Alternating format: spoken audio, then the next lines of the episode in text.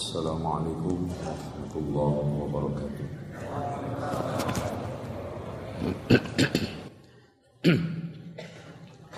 إن الحمد لله نحمده ونستعينه ونستغفره ونستهديه. ونعوذ بالله من شرور أنفسنا وسيئات أعمالنا. من يهده الله فلا مضل له ومن يضلل فلا هادي له. أشهد أن لا إله إلا الله وحده لا شريك له وأن محمدا عبده ورسوله. قال الله عز وجل يا أيها الذين آمنوا اتقوا الله حق تقاته ولا تموتن إلا وأنتم مسلمون. وقال عز وجل يا أيها الناس اتقوا ربكم الذي خلقكم من نفس واحدة وخلق منها زوجها وبث منهما رجالا كثيرا ونساء. واتقوا الله الذي تساءلون به والأرحام. إن الله كان عليكم رقيبا. وقال عز وجل يا أيها الذين آمنوا اتقوا الله وقولوا قولا سديدا. يصلح لكم أعمالكم ويغفر لكم ذنوبكم ومن يطع الله ورسوله فقد فاز فوزا عظيما. فإن خير الحديث كتاب الله وخير الهدي هدي محمد صلى الله عليه وسلم وشر الأمور محدثاتها وكل محدثة بدعة وكل بدعة ضلالة وكل ضلالة في النار Hadirin sekalian, Alhamdulillah Di malam hari ini Allah turunkan rahmat berupa hujan Untuk mengiringi sekaligus mendampingi kita untuk meniti hidayah Dengan cara talabul ilmi. Karena hidayah itu hanya bisa dirawat dengan dua hal. Yang pertama talabul ilmi yang kedua minta sama Allah. Ihdinas siratal mustaqim siratal ladzina an'amta 'alaihim ghairil maghdubi 'alaihim waladdallin tapi tidak semua ilmu membuahkan hidayah buktinya banyak orang lulusan umul qura yang akhirnya tersesat lulusan Jami'ah Madinah juga tersesat bahkan tinggal hampir 50 tahun di Mekah malah menjadi tokoh sesat. Clear? Makanya nggak perlu bangga apalagi membanggakan tokohnya. Kiai saya itu mas tinggal di Mekah 15 tahun. Ya? Yeah? Ngurusi catering. Ya. Yeah. Hadis ngelontok, pendeta banyak yang hafal hadis. Quran hafal, pastor banyak yang hafal Al-Quran. Inilah yang ada air yang panas nggak ya Pak? Saya betul-betul tersiksa dua hari uh, uh, habis suara saya. Baik. Jadi ihdinas siratal mustaqim sambil kita mencari ilmu. Allahumma inna nas'aluka ilman nafi'ah. Ya, makanya dilazimkan oleh Rasul agar dibaca setiap setelah sholat subuh. Allahumma inna nas'aluka ilman nafi'ah Warizqan thayyibah. Ternyata makanan halal itu menentukan hidayah orang. Wa amalan mutaqabbal. Orang itu kalau inputnya bagus, prosesnya lancar, maka outputnya juga bagus, amalan mutaqabbal. Hadirin sekalian, kita tidak ingkari Hidayah adalah nikmat.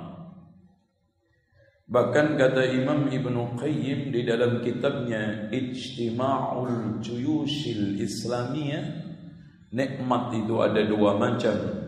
Yang pertama Nikmatun mutlaqah. Nikmat yang mutlak Yaitu Nikmatul hidayah ilal islami wa sunnah. Makanya kata Imam Mujahid Aku diberikan oleh Allah nikmat dua, saya tidak tahu mana yang lebih besar, yaitu nikmat hidayah ila sunnah dan terjauhkan dari hawa nafsu. Ini yang sekarang banyak dilupakan oleh umat.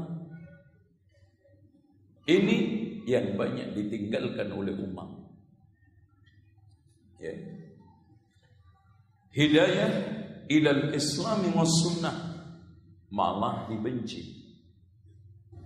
Dan ini memang masya Allah di situ pak. Coba saya itu kalau membahas hidayah begini ingat masa lalu saya.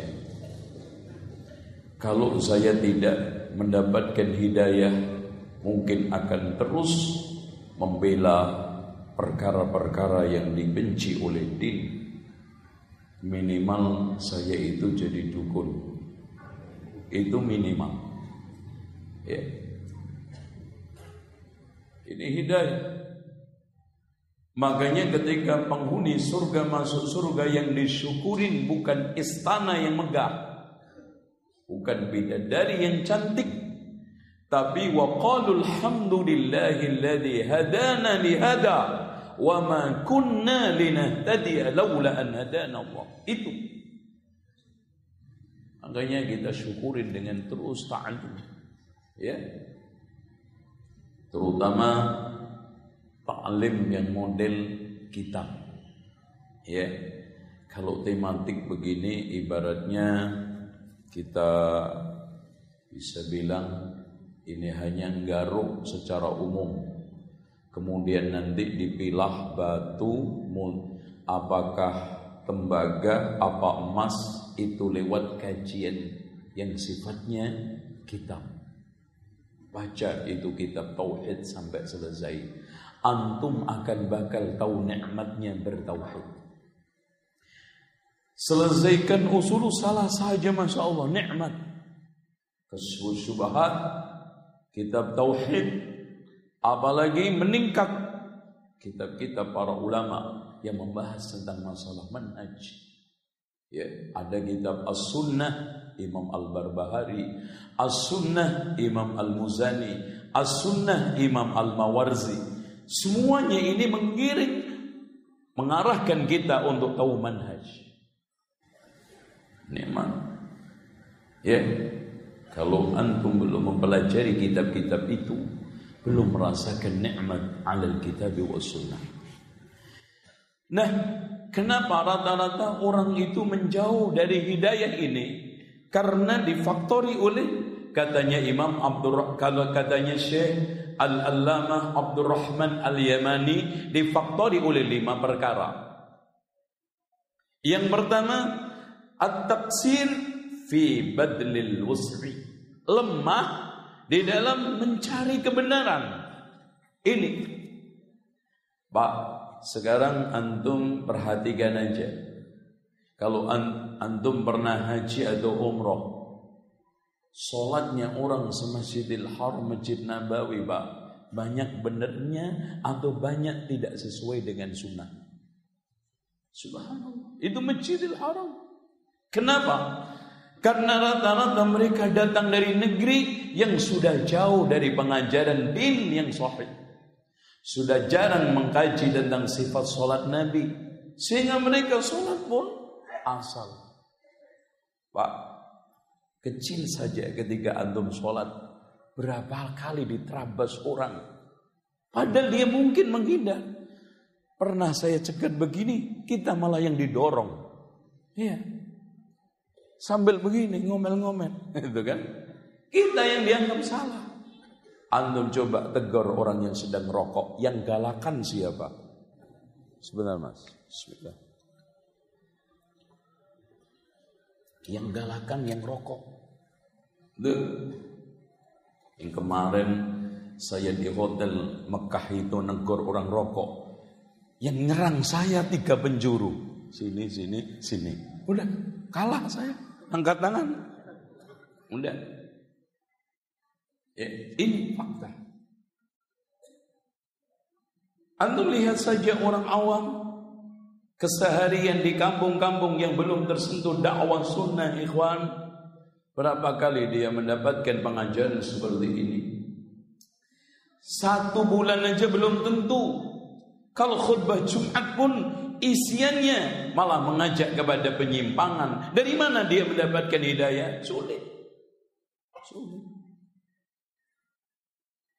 Mereka itu ngaji tiga, tiga, setahun tiga kali. Maulid Nabi, Nuzul Quran, Isra Mi'raj. Udah. Dan anehnya kalau melihat orang yang ngaji rutin ini, dianggapnya aneh. Ngaji kok tiap hari. Tuh, disalahkan. Karena yang namanya ngaji hanya waktu peringatan. Selain itu nggak perlu ngaji. Bahkan di sekalian maaf yang masuk ke otak pikiran mereka adalah pengajaran sinetron, tuntunan dukun, petuah dari kiai-kiai keramat dan yang tidak kalah pentingnya mereka hanya mendapatkan kilawal qal dari berbagai media apalagi WA. Makanya jangan mengambil ilmu dari Twitter, dari WA, dari Facebook, dari dunia maya. Bahaya. Banyak racunnya daripada penawarnya. Ilmu ambil dari majelis, duduk sama ulama, duduk sama ustaz, halaqa ilmu, hadirlah ke majelis zikir yang telah diberikan jaminan oleh Allah humul julasa la yashqa bihim jalisuhum. Mereka tidak akan bakal merugi berkat teman-temannya yang serius. Alhamdulillah antum datang iseng dapat pengampunan. Antum dapat datang ngantuk dapat pengampunan. Coba-coba dapat pengampunan berkat yang serius. Silakan tidur. Nggak apa-apa. Ya, antum diampuni Allah kok insyaallah. Ya, taksir. Coba bayangkan hadirin sekalian, apa kata awam kalau sang kiai tokoh mengatakan mempelajari Al-Qur'an langsung itu racun. Kapan ngajinya? Sementara dzalikal kitabu la raiba fi hudal lil muttaqin.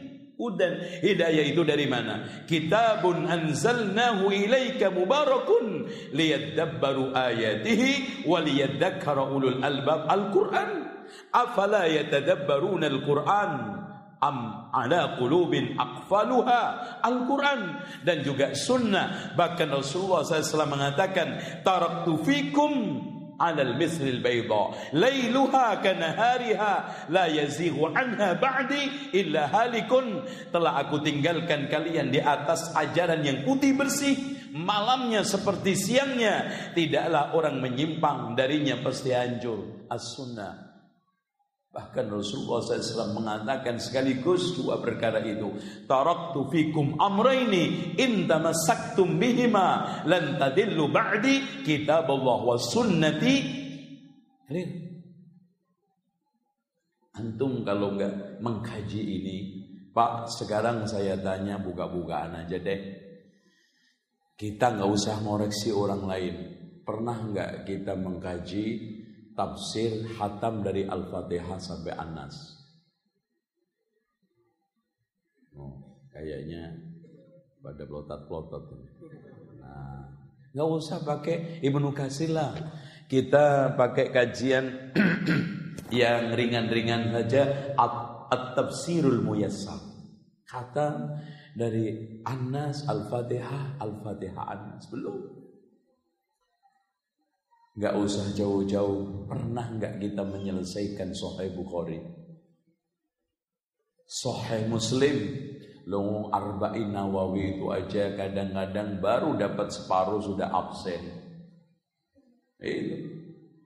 Riyadus Solihin apa lagi? Berkali-kali belajar Riyadus Solihin dapat cuma tiga bab. Babul ikhlas, babus sober, babus sidik. Ikhlas, sabar, jujur. Jujur, ikhlas, sabar. Itu Apalagi fikih, mandi sama wudhu tok tayamum. Akhirnya apa? Junub terus. Kenapa? Kita belum ada kajian yang tematik. Contoh aja Pak, saya itu merasakan dulu di pesantren nikmatnya bulatnya ilmu nahwu setelah khatam tiga kali jurumiyah. Oh nahwu itu seperti ini toh, no, kan? Hafal tasrif fa'ala yaf'ulu fa'lan wa maf'alan wa huwa fa'ilun wa dhaka maf'ulun if. Nah, enak. Ini, ini harus kita mulai. Ya, dan at-taksir fi badlil usr ini yang utama orang sulit mendapatkan hidayah. Lemah. Ngaji aja subhanallah. Sebulan sekali absen dua kali. Tinggal berapa pak? Sepuluh. Mudik dua kali tinggal delapan. Dipotong istri lahiran sekali tinggal tujuh.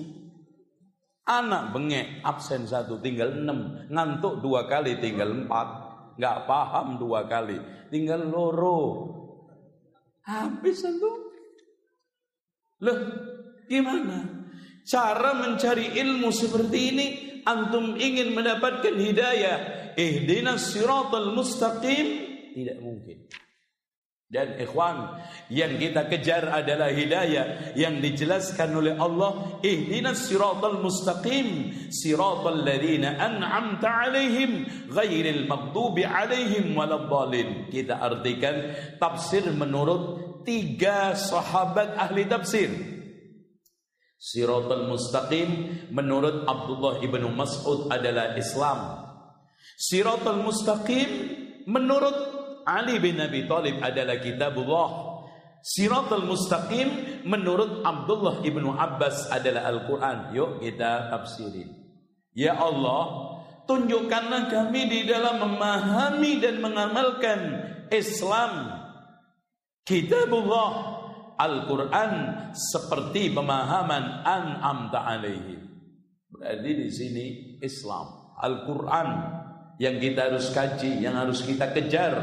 Itulah yang dikatakan di awal daripada surat Al-Baqarah. Alif Lam Mim Dzalika supaya kita berpaling kata para ulama min haisul balaghahnya. Kenapa Al-Qur'an di depan kita tapi Allah menggunakan kalimat dzalika supaya kita itu melek. Oh itu loh. Kan kalau kita nih biasa tuh eh ah, jadinya kita memperhatikan. Tambih Dzalikal kitabu la raiba fi hudan lil muttaqin. Memang Pak, Quran ini tidak akan ada nilainya di depan orang yang tidak muttaqin, di depan orang yang tidak mukminin. Makanya di dalam ayat yang lainnya Allah mengatakan wa nunazzilu minal qur'ani ma huwa shifaa'un lima fus sudur wa hudan wa rahmatun lil mu'minin. Hudan rahmah lil mu'minin. Selain itu enggak Makanya dari sekalian Al-Quran itu tidak akan bakal ada nilainya terhadap orang yang tidak muttaqin, terhadap orang yang tidak beriman. Dan lil muttaqin. Nih, ihdinas siratal mustaqim. Siratal ladzina an'amta alaihim. Seperti pemahaman dan pengamalan. Karena ini sekalian, tafsir itu ribuan coraknya. Pak, kenapa sekarang ini muncul firqah yang sangat banyak sekali? Padahal kalau kita tanya, dasarnya sama Quran Sunnah. Kita tanya mana saja firqah? Pasti jawabannya Quran Sunnah. Al-Quran tidak pernah salah. Sunnah juga tidak pernah salah. Yang bisa salah apa Pak? Pemahaman. Itu. Makanya ketika saat Umar ibn al-Khattab berpesan kepada Abu Musa al-Ash'ari Al-fahma al-fahma wa ma udliya ilaika. Pemahaman, pemahaman Jagalah Abu Musa. Apa saja yang masuk ke dalam diri kamu? Pak Contoh saja sekarang ini. Jangankan sekarang aliran-aliran yang sudah ada. Cil juga pakai Al-Quran Sunnah. Jin juga pakai Al-Quran dan Sunnah. Ya, jin itu jaringan Islam Nusantara. Ya, ini anak baru hasil perselingkuhan mut'ah antara Syiah dengan jaringan Islam liberal dan kejawen. Lahirlah anak hasil mut'ah yaitu jin. Itu ya. Ini Quran Sunnah. Yang salah bukan Qurannya, tapi yang salah adalah pemahaman interpretasinya dan tafsirnya. Eh coba aja diri sekalian kecil kok.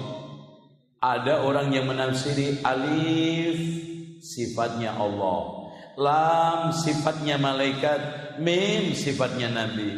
Tafsir. Ya. Bahkan ada yang mengatakan innaka mayyitun fa innakum mayyitun. Artinya semua manusia di dalam hidup ini pada hakikatnya adalah bangkai-bangkai gentayangan. Siti Jenar ya mati. Ya mayit. Kita ini semuanya mayit. Belum hidup. Bahkan kematian yang dikatakan oleh orang banyak itu awal daripada kehidupan. Tafsir. Bahkan jaringan Islam liberal ketika membenarkan semua agama itu benar. Innal ladzina amanu wal ladzina hadu wan nasara. Dan seterusnya Al-Qur'an. Intinya dari sekalian al-fahma. Nah, yang kedua yang menyebabkan orang itu sulit untuk mendapatkan hidayah. Ini faktor nanti kita akan bahas 10 insyaallah. Eh, mungkin setelah sholat isya ya. Ini mukaddimah dulu. Atamassuk bima laysa minal haq. Ini di antara orang itu sulit untuk sampai kepada jalan kebenaran karena berpegang teguh terhadap sesuatu yang tidak benar. Pak, maaf.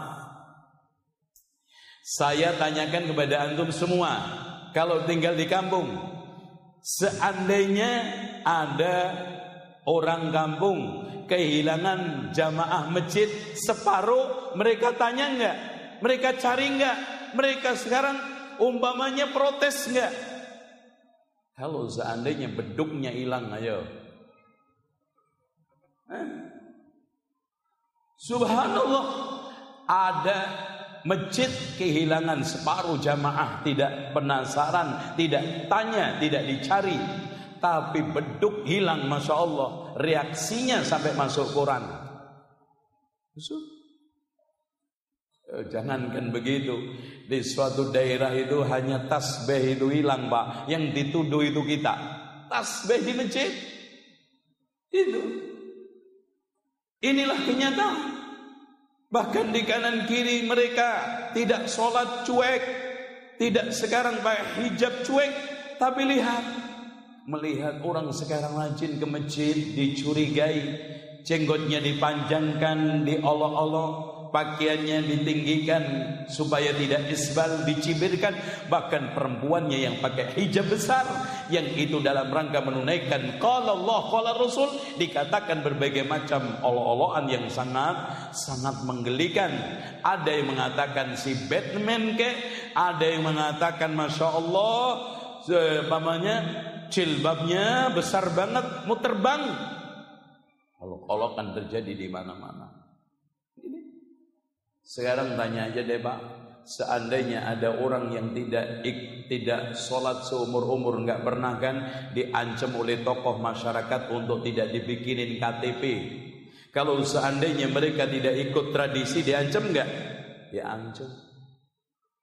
Bahkan ada jamaah yang nangis-nangis sama saya karena diancam oleh warganya kalau mati nggak akan dirawat karena setiap ada acara-acara kematian selamatan nggak datang.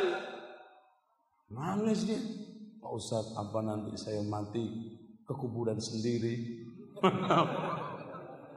Takut dia, orang awam. Ya, gimana Pak Ustadz nanti kalau saya mati nggak ada yang rawat? Tenang aja pak, kucing mati ada aja yang rawat. Insya Allah. Allah tidak akan melantarkan hamanya. Walaqad karramna bani Adam. Sebagian daripada kemuliaan Allah kepada anak Adam ini tidaklah mati. Pasti ada yang rawat. Jangan takut. Tapi ancaman itu pasti ada. Diancam ya. Dan ini terjadi di mana-mana tidak hanya terbatas pada wilayah tertentu, daerah tertentu. Intinya orang itu lebih serius, lebih ger, lebih kokoh, lebih kekeh memegang sesuatu yang bukan agama. Tapi longgar, bahkan sangat-sangat ledor terhadap yang namanya agama din. Coba sekarang hadirin sekalian, simbol Islam Nabi Muhammad dilecehkan, istri-istri Rasul dinudai, mereka cuek, Coba sekarang simbol-simbol organisasinya dicela, dinundai, langsung protes. Seperti itulah hadirin sekalian kenyataan awam. Kenyataan kita hidup di masyarakat. Kita sekarang menemukan satu kondisi orang lebih membela mati-matian terhadap suatu yang bukan agama. Anak kasih contoh, Pak. Ya. Yeah. Dikasih petuah ulama untuk kebaikan umpamanya sholat tahajud ke atau sholat duha ke atau mengamalkan puasa Senin Kemis nggak begitu didengar. Tapi mendapatkan arahan dukun Masya Allah supaya rumahnya aman dari maling suruh untuk tawaf tujuh kali sambil membaca bacaan-bacaan mantra tertentu tidak napas. Ah, tujuh kali nyungsep. Taat. Ya, percaya banget. Apalagi ada yang sekalian baca waj'alna min baini aydihim saddan wa min khalfihim saddan faghshaynahum fahum la dibaca 41 kali enggak napas. Insyaallah naik bus enggak bayar. Taat. Khusyuk.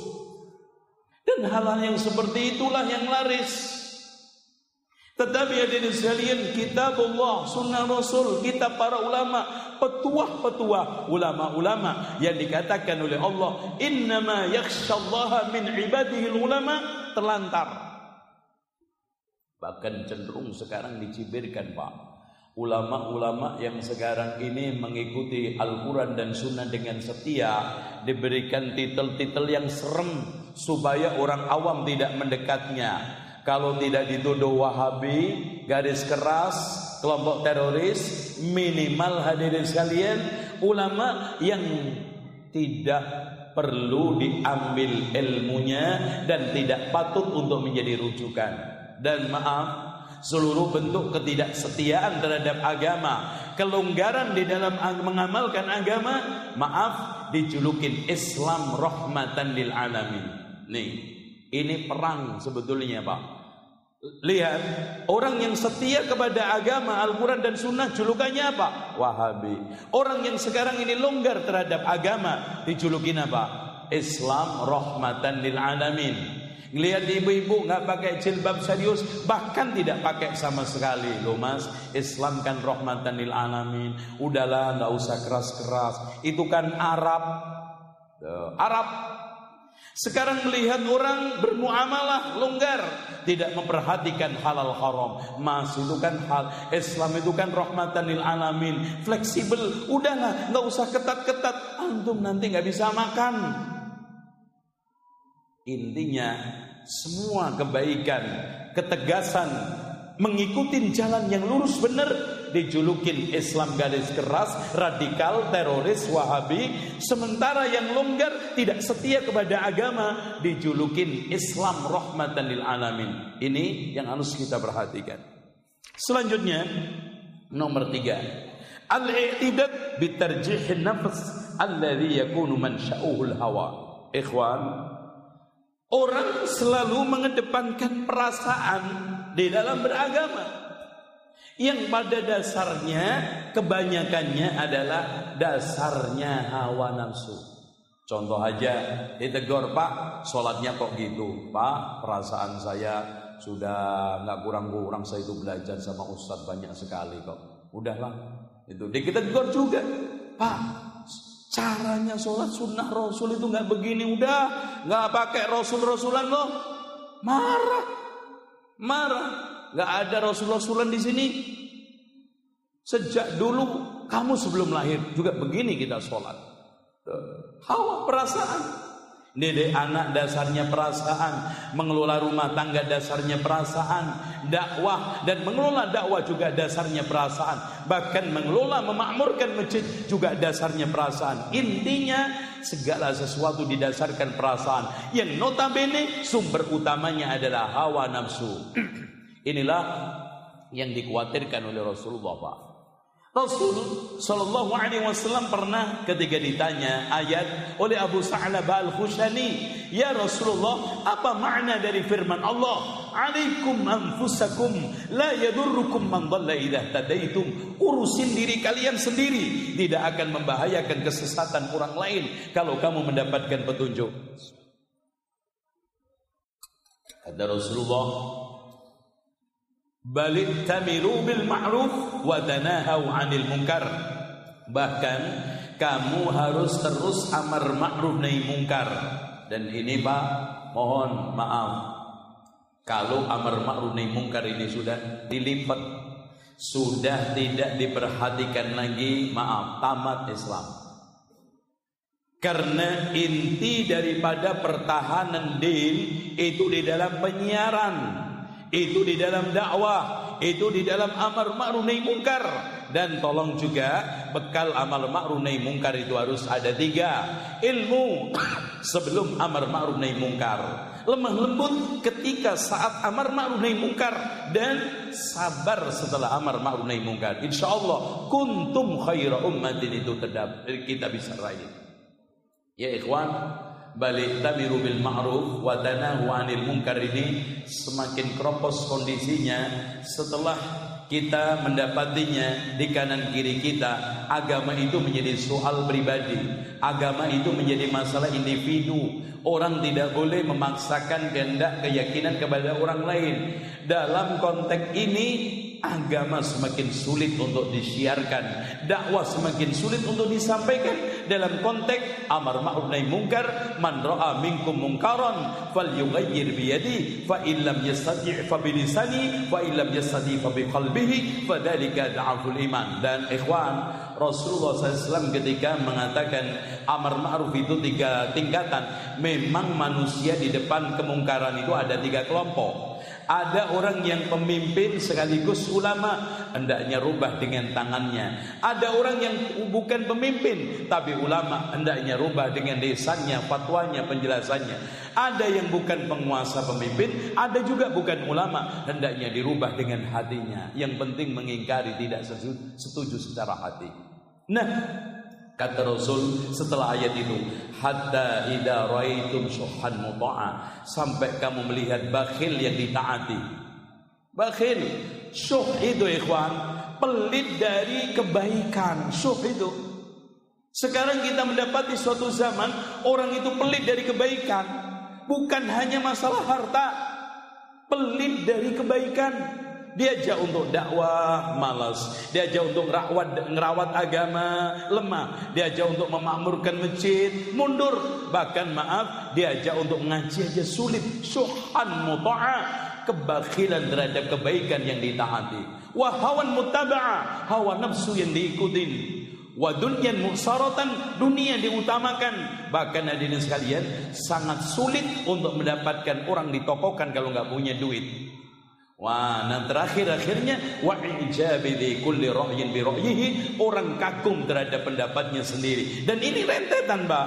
Orang itu kalau pelit terhadap kebaikan, pasti hawa nafsu diikutin, pasti dunia diutamakan. Nah, pasti nanti otaknya menjadi dominan bahkan mengalahkan din, mengalahkan agama yang ditegur oleh Allah, ya ayyuhalladzina amanu la tuqaddimu baina yadayillahi wa rasulih wattaqullaha innallaha samiun alim. Wahai orang yang beriman, janganlah kalian bersikap lancang sama Allah dan Rasulnya. Lancang di dalam syariat Allah dan Rasulnya. Mendauli Allah, Allah mengatakan A, kita B, Rasul mengatakan C, kita D. Inilah bagian daripada ya ayyuhalladzina amanu la tuqaddimu baina yadayillahi wa rasuli lewat ra'yu kita, tradisi kita. Mungkin maaf hadirin sekalian, perasaan hawa nafsu kita mungkin logika kita yang kita anggap hebat atau teori-teori orang-orang barat, orang kufar yang nampak logis sehingga kita nyatakan itulah kebenaran. Bahkan Al-Qur'an harus kita sisihkan dan kita singkirkan. Walhasil dari sekalian kita jauh dari hidayah. Selanjutnya hadirin sekalian yang dirahmati Allah yang keempat ya, yang keempat. Ada yang kelewat? Enggak ya? Ada yang kelewat? Hah? Oh, suhan muta'ah tadi sudah cukup. Yang keempat, ada merujuk amma yatabayyan anna ghairu aula bil haq. Ini juga penyakit. Orang itu sulit untuk mengakui kebenaran walaupun jelas. Bahkan gini, Pak, orang itu kalau bisa yang benar itu nggak jelas. Kalau dijelaskan pun dibuat supaya nggak jelas. Itu aneh kan? Jadi kalau contoh aja kita berusaha untuk menjelaskan bahwa ini tauhid ini syirik. Gak boleh, stop. Tidak boleh. Kalau seandainya kita berusaha untuk menjelaskan dan jelas bagus sesuai dengan Al-Quran dan Sunnah, dibikin gak jelas. Wah ini kayaknya begini, begini, begini. Akhirnya apa? Gak jelas. Subhat. Masuk kota dia. Sementara hal-hal yang kaitannya dengan apa yang dia yakini itu benar padahal batil dibikin diperjelas. Nah, ini yang membuat kita itu akhirnya apa? Tumbang di, depan kebenaran. Jika demikian ada di sekalian kita juga harus kita latih. Kalau kita mendapatkan kebenaran dari mana pun kita terima, ya. Dia mana di mana pun. Intinya secara orang per orang termasuk kita tidak ada yang benar mutlak tanpa salah, tidak ada salah mutlak tanpa benar. Ini secara orang per orang. Tapi secara konsep insya Allah kita harus yakin seyakin yakinnya bahwa kebenaran yang datang dari Alkitab wa Sunnah menurut pemahaman salafus soleh itulah yang hak karena memang kebenaran itu hanya satu. Al haqqu mir rabbika fala takunanna minal mumtarin tapi kita ini secara orang berorang secara oknum bisa tidak ada benar mutlak tanpa salah tidak ada salah mutlak tanpa benar. Intinya kata Imam Malik radhiyallahu ini rahimahullah taala setiap orang bisa diambil dan ditolak ini pendapatnya kecuali yang punya punya kuburan ini yaitu Rasulullah sallallahu alaihi wasallam dengan demikian kita terhindar dari kesombongan Pak. Orang sombong. Itu kata Rasulullah SAW apa? Definisi al-kibr. Batarul haq Menolak kebenaran. Wa ghamdunas meremehkan orang. Dan itu termasuk hal-hal yang Nanti menjadi penghalang kebenaran. Nah faktor orang itu tidak mendapatkan hidayah Yang kelima adalah Mu'adatul mukhalif. Ya Menen, eh, Menyisi Memusuhi orang-orang yang dianggap menyelisihi din agama kepercayaannya walaupun ada potensi dianya yang benar artinya memusuhi setiap orang yang dianggap memusuhi dia tidak setuju dengan dia dan kontras dengan dia ini juga menjadi faktor orang itu untuk sulit mendapat mendapatkan hidayah. Nah, hadirin sekalian, udah sholat isya belum? Belum. Kurang berapa menit? Dilanjutin ya Pak ya. Atau ditutup. Selesai. Terus. Oke. Okay. Hadirin sekalian, sekarang kita masuk ke dalam penghalang kebenaran. Hadirin sekalian, kesempurnaan makhluk sangat ditentukan oleh cintanya kepada kebenaran dan bencinya kepada kebatilan karena tercipta karena dan mereka tercipta di atas fitrah tersebut. Karena fitrah selalu dikawal dua pendamping, sesuatu yang menguatkan dan sesuatu yang melemahkan. Pak, inilah kayaknya sudah ada ya. Iya, kayaknya pas banget.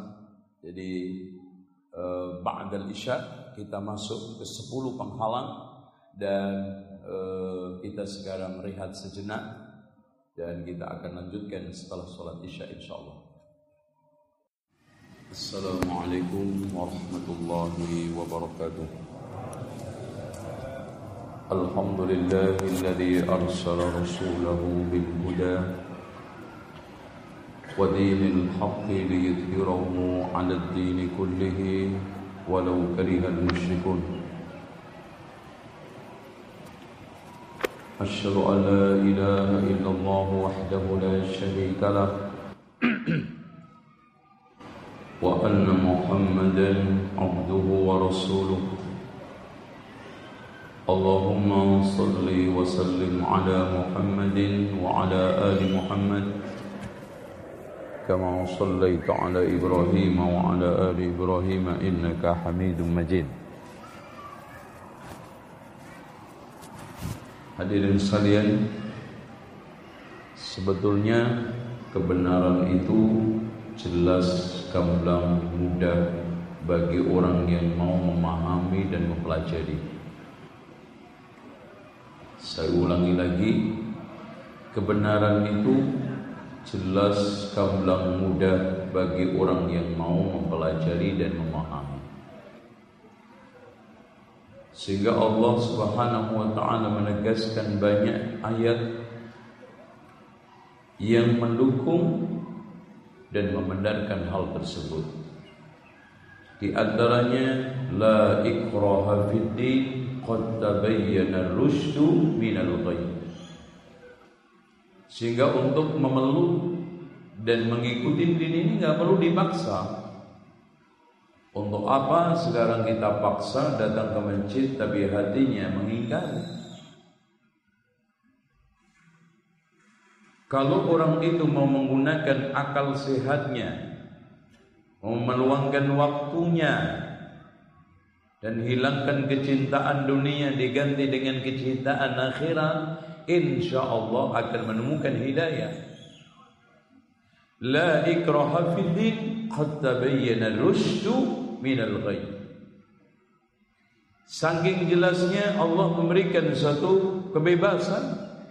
Faman syaa'a falyu'min, faman syaa'a falyakfur. Barang siapa yang ingin beriman silakan, barang siapa yang memilih jalan kekufuran juga silakan. Dan Allah Subhanahu wa taala juga menegaskan wa anna hadha sirati mustaqiman fattabi'uhu wa la tattabi'us subul jelas sirat itu mufrad. Sabil itu mufrad. Wa man yushakikir rasula min ba'di ma tabayyana lahu al-huda wa yattabi' ghayra sabilil mu'minin nuwallihi ma tawalla wa nuslihi jahannam wa sa'at masira. Jelas. Barang siapa yang menyelisih Rasul setelah datang penjelasan yang hak gamblang kemudian mengikuti jalan selain mukminin. Maksudnya menyelisih ijma'ul muslimin. Maka kami biarkan luasa di dalam kesesatan dan nanti sejelek-jelek tempat akhir adalah nar. Nah, kemudian muncul anggapan. Mencari kebenaran itu sulit, memahami Quran itu sulit, bahkan banyak orang yang lebih memilih subhat daripada al-haq. Kenapa? Karena 10 perkara. Intinya Allah tidak menjadikan kebenaran itu terang tanpa kita mempelajari dan berjuang mengerahkan daya upaya untuk untuk mendapatkan enggak. Dan nanti nggak ada orang proses berjuang taklim dong. Dan Allah juga tidak menjelaskan batil itu kebatilan tanpa syubhat. Nanti tidak ada usaha untuk milah-milih.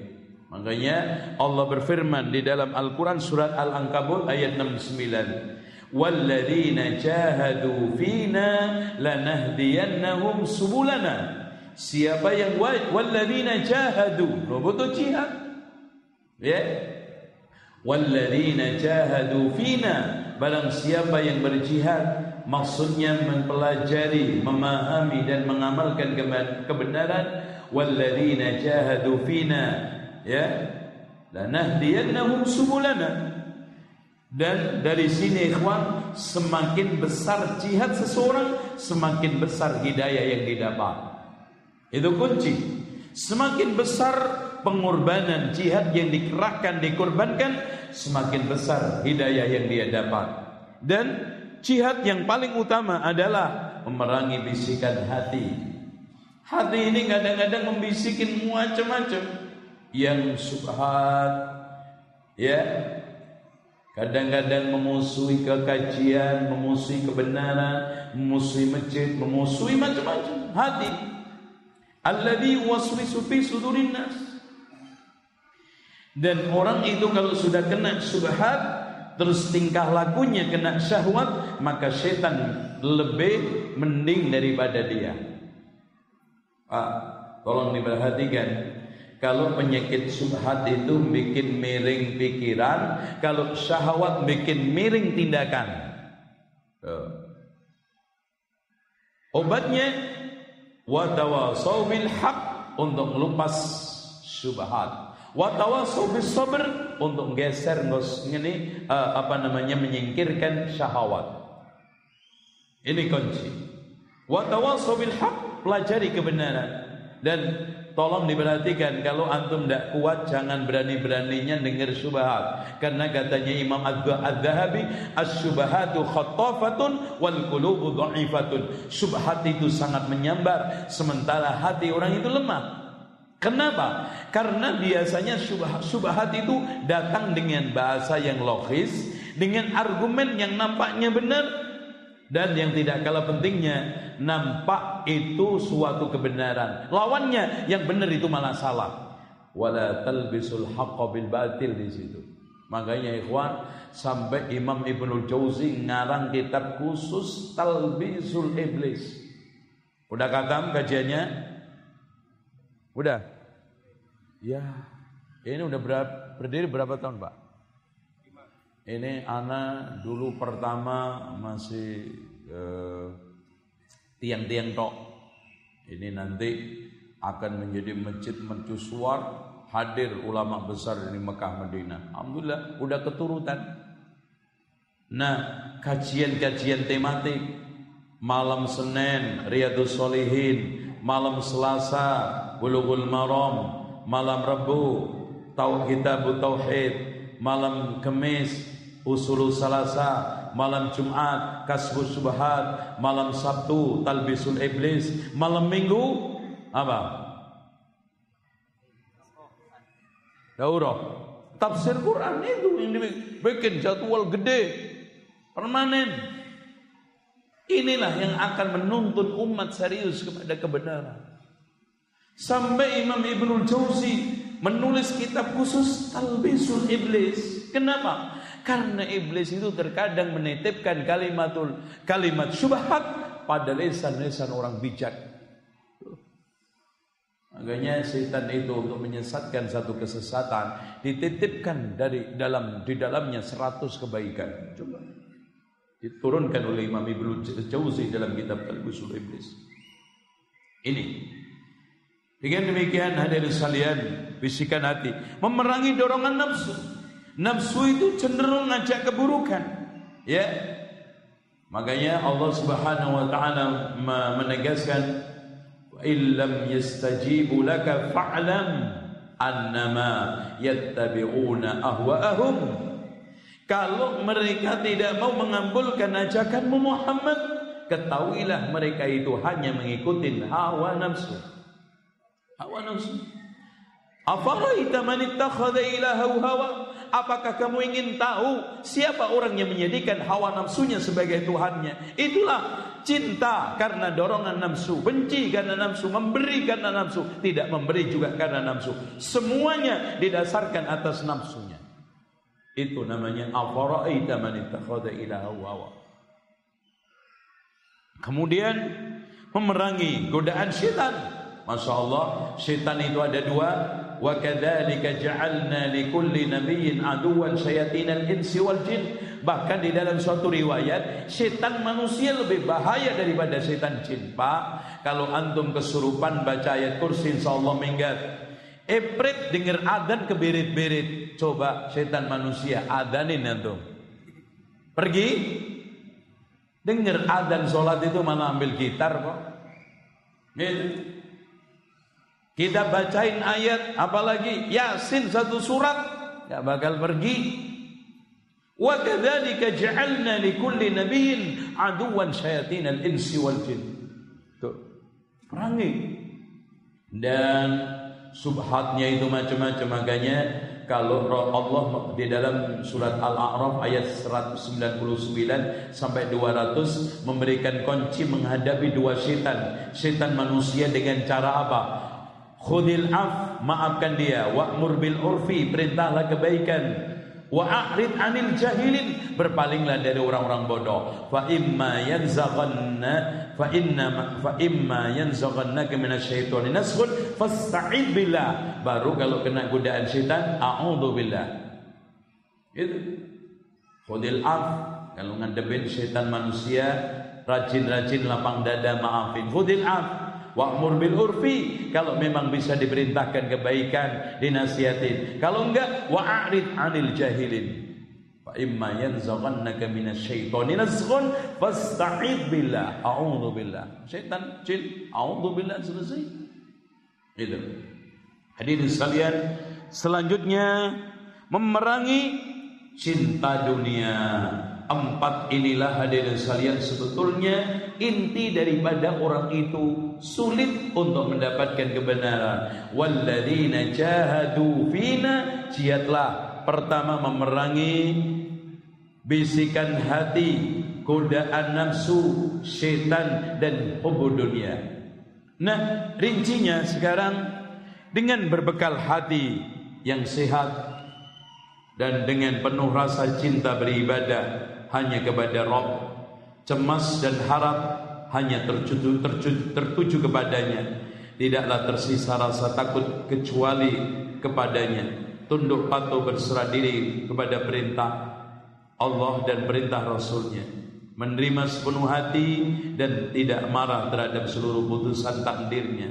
Tidak berburuk sangka kepadanya, tidak menentangnya, tidak menyerahkan uh, menyerahkan seluruh jiwa raga, ucapan, perbuatan, perasaan dan kecenderungan secara zahir maupun batin kepada ajaran Rasulnya dan membuang seluruh ajaran selainnya. Bila sesuai diterima dan bila tidak sejalan dengannya ditolak. Tetapi ketika belum jelas berdiam diri hingga mendapatkan keputusan jelas mendukung wali-walinya dan kelompok sukses dalam membela aja agamanya dan sunnah nabinya. Bersikap tegar di atas eh, di atasnya membenci musuh-musuhnya dan menentang ajaran Al-Qur'an eh, menentang ya membenci musuh-musuhnya yang menentang ajaran Al-Qur'an dan sunnah nabinya yang keluar darinya dan mengajak umat manusia untuk menyelisihinya. Dengan demikian dan demikian itu sangat ditentukan oleh kesungguhan di dalam merawat dan memelihara kesehatan hati dari berbagai macam virus racun karena hati yang hidup dan bercahaya mampu menangkap cahaya Allah memahaminya tunduk dan patuh dalam mentauhidkannya dan mengikuti ajarannya. Bila hati mati dan gelap maka tidak akan mampu menangkap cahaya Allah dan tidak mau tunduk kepada ajaran Rasulullah SAW itu intinya. Nah sekarang kita masuk penghalang pertama adalah kebodohan. Ini nomor satu. Hadirin sekalian, al-jahlu bodoh definisinya adalah menemukan suatu tidak sesuai yang diinginkan. Contoh satu tambah satu lima. Allah Tuhan yang disembah tiga. Allah di mana-mana. Ini kan nggak sesuai yang diinginkan. Bapak, Ibu sekalian, kalau ada orang bilang ditanya, kadang-kadang lucu jawabannya, Pak, Ibu, Allah di mana? Di hati saya. Masya Allah, gede banget ini. Padahal kursinya Allah aja wasi'a kursiyuhus samawati wal ard. Padahal kursi kata Ibnu Abbas letak kakinya Allah. Apalagi arus. Dengan gampangnya orang ditanya, "Bu, Allah di mana?" Di hati saya. Ada yang lebih lucu lagi di mana-mana. Hatta orang yang mengatakan Allah di mana-mana, kalau berdoa gimana, Pak? Enggak mungkin begini-begini. Ya. Rabbana tina fid dunya hasanah. Karena bisa aja di sana sini minta. Tapi mengangkat tangan ke atas langit. Makanya ketika saat Al-Juwaini menyampaikan ta'lim di dalamnya ada ulama-ulama di antaranya Imam Al-Hamadani. Dia menyampaikan satu statement inna allaha kana walam yakunil arsh wa huwa ala ma kana alaih Allah itu ada sebelum adanya aras dan Allah ada di tempat sebelum adanya aras intinya dia ingin mengingkari Allah itu tidak bersemayam di atas aras Apanya? Apa katanya Imam Al-Habadani? Wahai Imam Al-Juwaini, da' biarkan, tinggalkan berbicara tentang Allah di mana dan arus di mana. Kenapa ketika kita berdoa mengangkat tangan ke atas langit Akhirnya Imam Al-Juwaini sambil menempuk-nempukkan kepalanya Hayyaronil Hamadani Hamadani membuat saya bingung Hamadani membuat saya bingung. Akhirnya dirujuk kepada Al-Adha Kepada ajaran Salafus Saleh. Kembali kepada akidah Salafus Saleh Yaitu Ar-Rahmanu Alal Ashistawa Itu Nah Kebodohan orang terhadap akidah Sahihah juga sama. Menyebabkan dia tersesat sekarang hadirin sekalian lihat aja. Jangankan di dalam masalah urusan-urusan yang pelik asma wa sifat Dalam masalah rukun iman, rukun Islam Pak. Dalam masalah agama yang terang benderang aja. Banyak orang Islam sudah mulai tidak tahu. Dan katanya Ali bin Abi Thalib kelemahan orang tidak tahu jahil Al annasu a'da'u ma jahilu wal juhala'u a'da'ul ulama. Orang bodoh itu cenderung memusuhi apa yang tidak diketahui dan orang bodoh itu cenderung menjadi musuhnya ulama. Clear?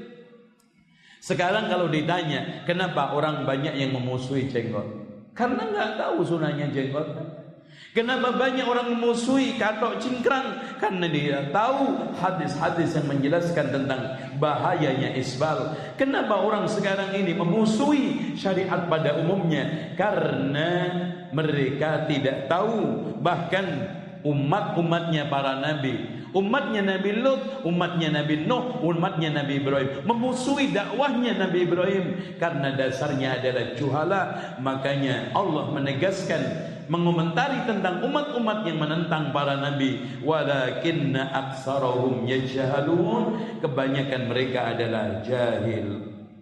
Makanya Pak terutama berbicara masalah agama tanpa dasar ilmu alias dasar kebodohan diharamkan oleh Allah. Lihat dalam surat Al-A'raf ayat 33 قل إنما حرم ربي الفواحش ما ظهر منها وما بطن والإثم والبغي بغير الحق وأن تشركوا بالله ما لم ينزل به سلطانا وأن تقولوا على الله ما لا تعلمون وأن تقولوا kau berbicara tanpa dasar ilmu bahkan Imam Ibnu Qayyim mengatakan Berbicara atas dasar berbicara atas nama Allah tanpa dasar ilmu merupakan pelanggaran paling besar di sisi Allah dan kesalahan paling besar dosanya karena hal tersebut merupakan kedustaan atas nama Allah. Menisbatkan Allah kepada perkara yang tidak patut dengan kebesarannya merubah dan mengganti agamanya. Pak lihat kenapa muncul kebid'ahan? Kenapa muncul kesyirikan Kenapa muncul kekufuran? Karena berbicara atas nama Allah tanpa dasar ilmu. Sampai berhala disembah, dasarnya bicara menisbatkan ke agama Allah tanpa dasar ilmu. Itu aja. Menafikan apa yang telah ditetapkan untuknya. Dua lihat. Yang harus ditetapkan malah dinafikan. Yang harus dinafikan malah ditetapkan. Perhatikan ikhwan. Allah Subhanahu wa taala tegas-tegas mengatakan ma massana min. Kita tidak pernah tertimpa kecapean. Orang Yahudi mengatakan Allah capek. Allah Subhanahu wa taala masyaallah dermawannya kayak apa? Ya, tapi Yahudi mengatakan yadullahi maglulatun tangan Allah itu terbelenggu. Bodoh. Bahkan akhirnya Isa disembah karena awalnya berbicara atas nama Allah agama tanpa dasar ilmu. Jadinya Isa disembah Zoroaster dijadikan Tuhan. Bahkan hadirin sekalian berhala berhala berentet di sekitar Ka'bah. Awalnya wa antakulu 'ala Allahi ma la sampai orang mengingkari sifat-sifat Allah tadi. Ada yang mengatakan Allah di mana-mana, ada yang mengatakan Allah di dalam hati saya karena kejahilan. Dan itu bukan denominasi orang awam, Pak. Kadang-kadang di antara mereka yang bertitel pun berakidah dengan akidah seperti itu. Kalah seorang budak yang ingin dijual majikannya. Lalu Rasulullah SAW tahan dulu karena dia muslimah. Ditanya, Aina Allah? Di mana Allah? Dia sambil menunjukkan tangan ke arah langit. Allahu fis sama wa man ana siapa saya anta Rasulullah apa kata Rasulullah kepada majikannya iktikha merdekakan dia fa innaha mu'minatun masyaallah tapi hal-hal yang seperti ini sudah lewat dengan demikian hadirin sekalian apalagi nanti datang di suatu eh, zaman innallaha yaqbidul ilma innallaha la yaqbidul ilma intiza'an. Allah tidak akan bakal nyabut ilmu saja begitu saja dicabut. Walakin yantazi'uhu biqabdil ulama akan tetapi dicabut dengan kematian para ulama fa in halaku kalau ulama-ulama rabbani itu meninggal dunia ittakhadan nasu ru'usan juhala orang-orang mengambil tokoh agama yang juhal Fasu'ilu kemudian ditanya, fa'aftau bighairi ilmin, kemudian mengeluarkan fatwa tanpa dasar ilmu. Akhirnya fadall fadallu wa adallu sesat menyesatkan dan ikhwan masyaallah. Maaf. Sekarang ini muncul zaman di mana Ruwaibidah menguasainya yang sudah disinyalir oleh Rasulullah di dalam hadis yang dikeluarkan oleh Imam Ibnu Majah akan muncul Ruwaibidah. Siapa mereka? Ar-rajulu tafi, tokoh yang rendahan yang tidak sama sekali punya kapabel untuk bicara agama tapi yatakallamu fi amrin ama bicara soal masalah-masalah agama dan bahkan maaf hadirin sekalian umat ini hancur. Kalau sudah kata Rasulullah SAW al mulku fi sigarikum kekuasaan dipegang orang kecilan di antara kalian. Wal ilmu fi radalatikum. Dan ilmu dipegang oleh rendahan di antara kalian. Dan yang terakhir Masya Allah wal fahishatu fi kibarikum. Kekejian berupa perzinaan dan macamnya didominasi oleh orang gedean dan gedongan di antara kalian. Udah hancur ini yang sekarang kita hadapi. Sehingga dari sekalian aneh. Profesor doktor itu Masya Allah. Banyak di kampus-kampus. Tetapi yang ngurusin urusan orang-orang awam antum lihat. Mereka tidak terpakai. Ar-rajulu tafi yatakallamu fi amrin ama. Orang yang rendahan memegang urusan orang umum yaitu ruwaibidah. Ya, ilmu-ilmu akhirnya di sekalian tidak terpakai jurusan-jurusan yang begitu hebat tidak laku. Dan kampus-kampus yang megah kosong daripada syiar keilmuan. Ilmuwan-ilmuwan sudah disisihkan dan disingkirkan ini tanda kiamat. Kalau sudah ida eh, innal jahl yafsu. Kalau kebodohan merajalela. Ya kebodohan merajalela kolam merajalela kemudian zina merajalela itulah tanda-tanda kiamat dan masya Allah Rasulullah SAW menggandingkan dalam satu hadis merajalelanya pena dan merajalelanya kebodohan Jadi semakin banyak buku, semakin banyak pena, bukan semakin pinter ternyata. Semakin jauh daripada ilmu. Kenapa? Kadang maaf orang mentang-mentang udah punya buku, nggak mau baca, ngandelin. Ah di buku itu kan udah lengkap, lengkap bukunya. Tapi kan nggak lengkap di sininya. Ditanya, akhirnya, wah pak baca buku itu aja sih pak, bagus pak. Insya Allah di sana dijawab semua. Begitu juga di sekalian kajiannya juga sudah tidak mengkupas kita. Padahal di sekalian Islam turun pertama kali ikro. Lihat kejayaan Spanyol, kejayaan Umayyah, Abbasiyah karena perpustakaan mereka gede-gede hebat-hebat dan para ilmuwan diberikan kedudukan tinggi dan mereka diberikan peluang-peluang untuk memberikan pengajaran kepada masyarakat. Makanya tanda kehancuran di atas kehancuran adalah kata Ali bin Abi Thalib kalau sudah ilmu itu diduitin. Sehingga dia mengatakan akan terjadi fitnah. Kemudian Umar bin Khattab bertanya, kapan itu terjadi wahai Ali? Ketika dunia dicari dengan keakhiratan. Waswadalah, waswadalah. Ya, karena maaf hadirin sekalian, aksi pencarian dunia dengan keakhiratan itu macam-macam. Kadang ada yang lewat bacaan Al-Quran, ada yang lewat acara-acara yang nampak dikir, ternyata di dalamnya adalah unsur dunianya dominan, termasuk dakwah ini. Hadirin sekalian, harus kita hindarkan.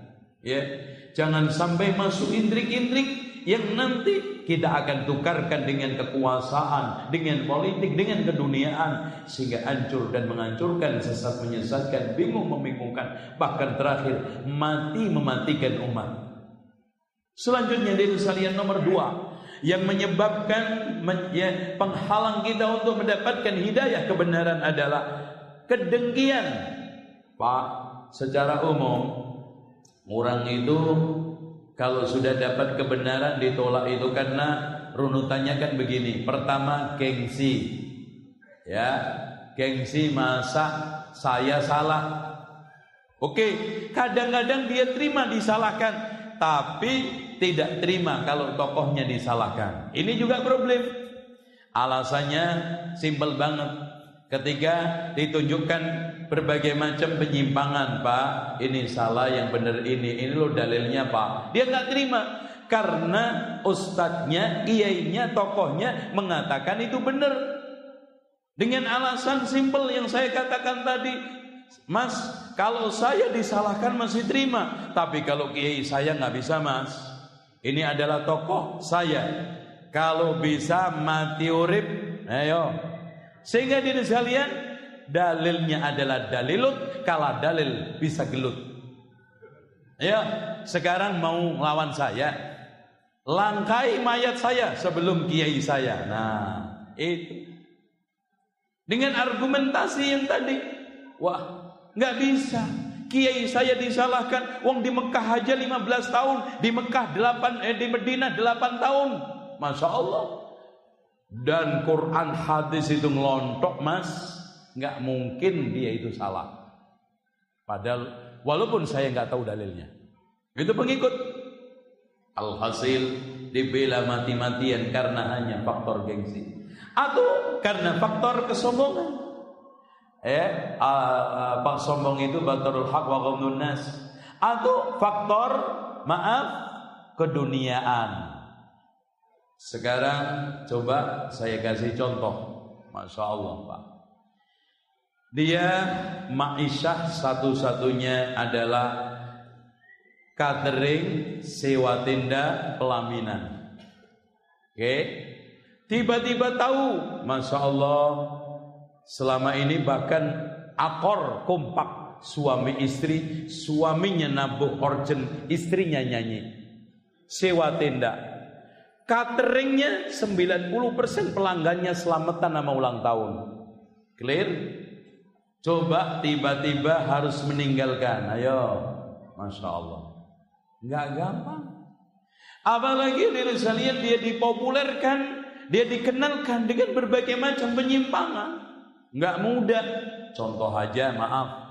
Umpamanya saya jadi wakil dewan yang milih saya orang-orang tradisional ahli tahlilan wal yasinan. Kita bisa tegas ngomong itu tidak benar, sulit. Enggak bisa. Saya selama ini terkenal dengan ringtone saya Ya Rabbi bil Mustafa balik makos sedanayan sedayana.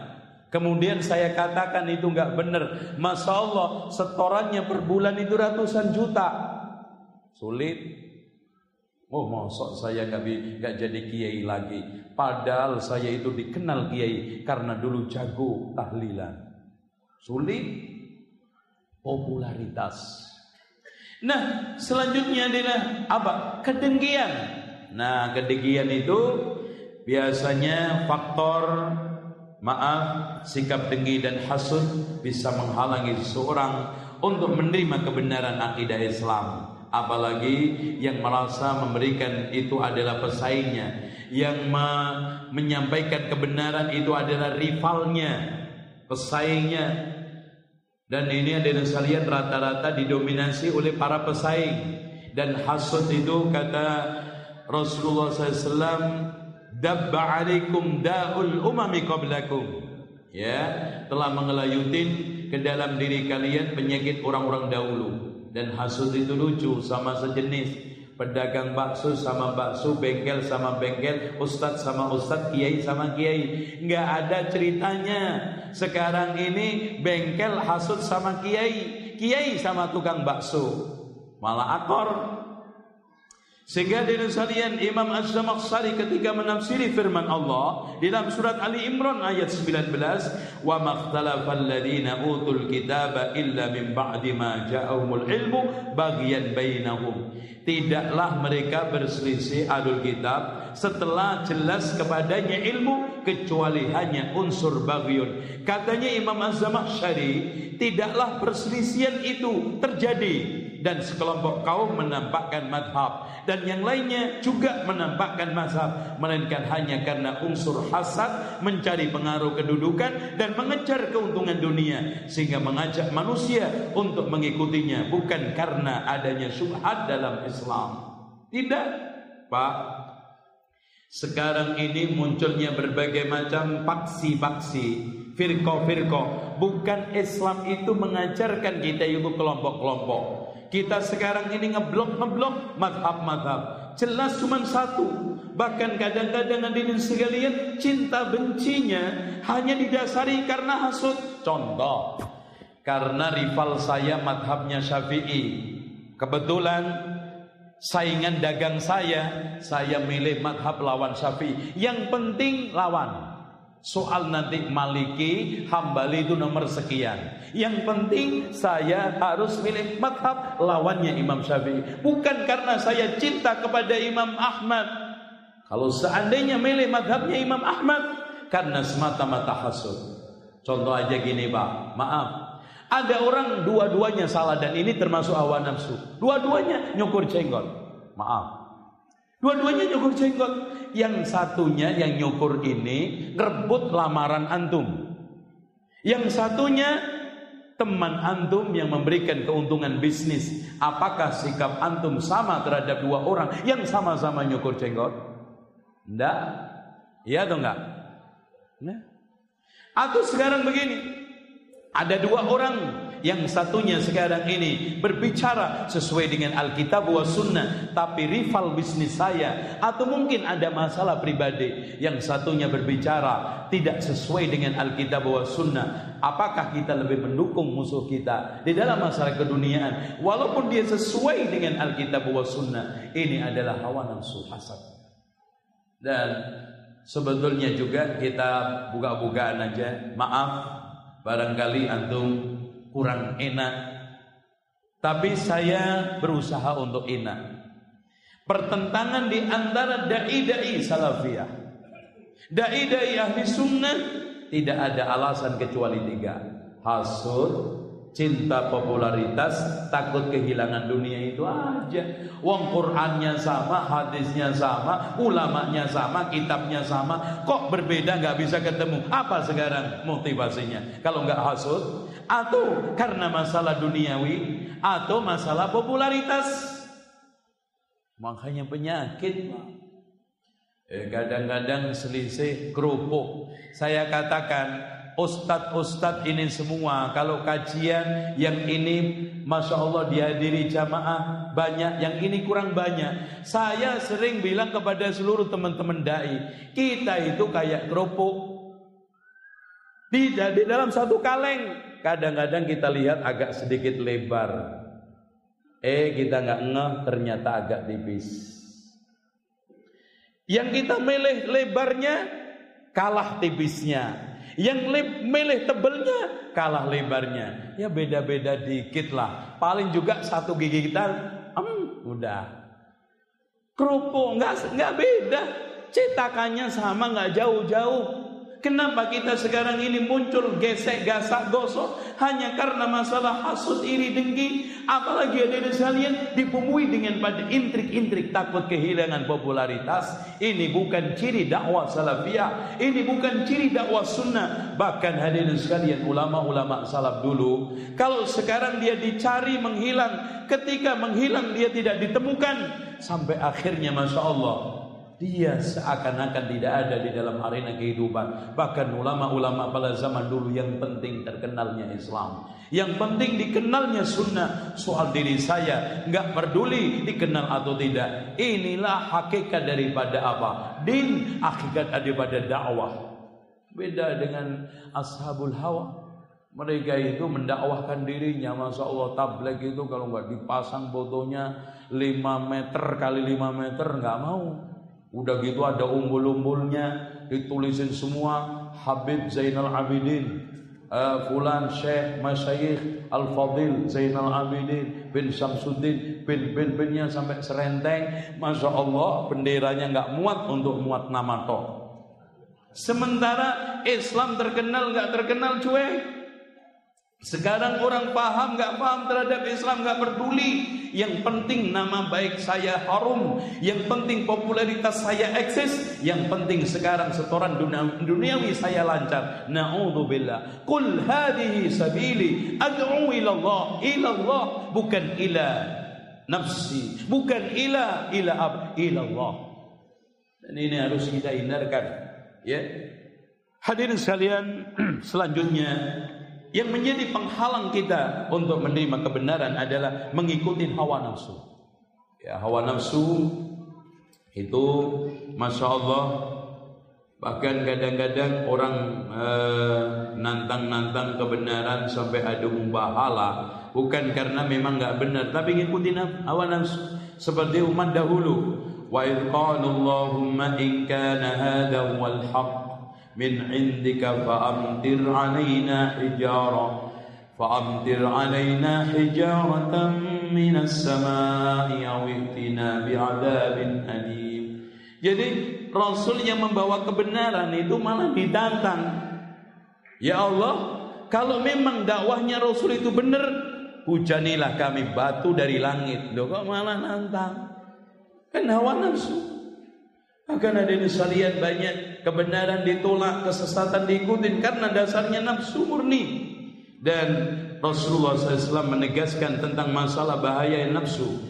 Wa innahu sayakhruju fi ummati aqwamun akan muncul di tengah umatku ini sekelompok kaum tajtajara bihim tilka ahwa akan menggerayutin hawa nafsu. Kama yatajaral kalabu bi sahibihi. Seperti virus anjing rabies menggerogotin yang digigitnya. La yabqa minhu ilqun wala mafsalun. Tidak ada tersisih persendian dan urat illa dakhalahu.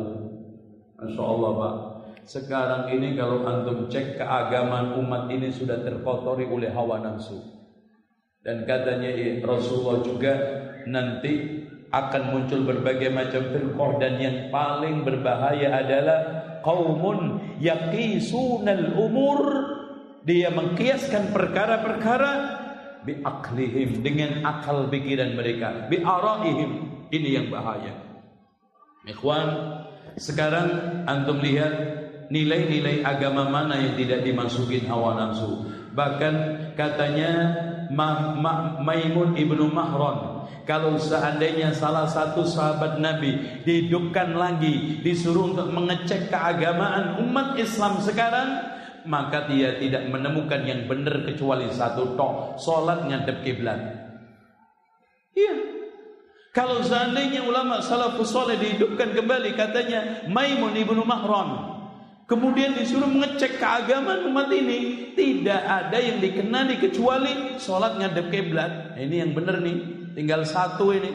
Yang lainnya untuk melihat acara-acara ritual, acara-acara peringatan dan praktek-praktek keagamaan, tata cara berbusana, semuanya sudah menyimpang bahkan kalau tidak keluar dari din yang benar nah ini nih baru soeh sholat ngadep kiblat nggak ngadep utara Nasallallahu al-afiyah.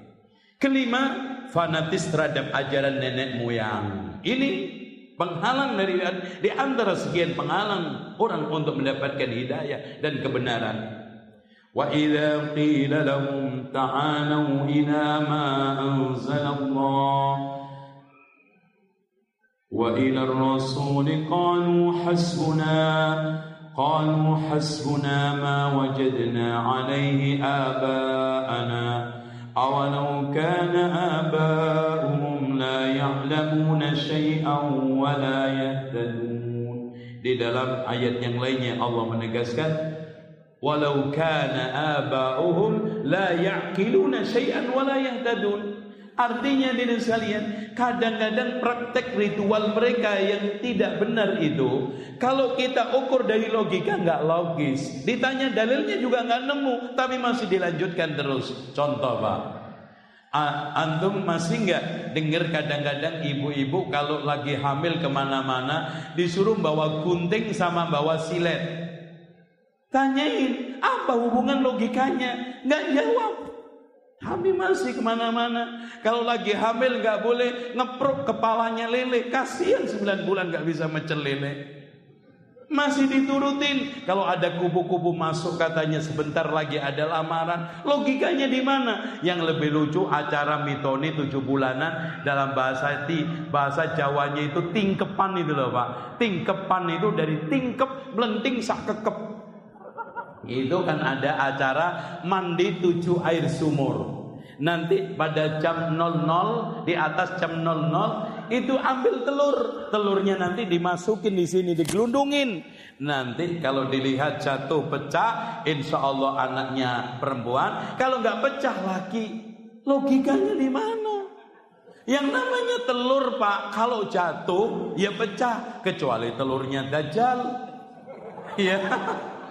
Wah jatuh. Ini batu ya pecah. Katanya kalau pecah perempuan, kalau enggak lagi. USG enggak laku, tapi masih terus dipertahankan. Dan masih banyak ritual-ritual tahayul dan khurafat masih menjadi bagian hidup keagamaan kita yang mengklaim Islam padahal itu adalah agama asli Indonesia.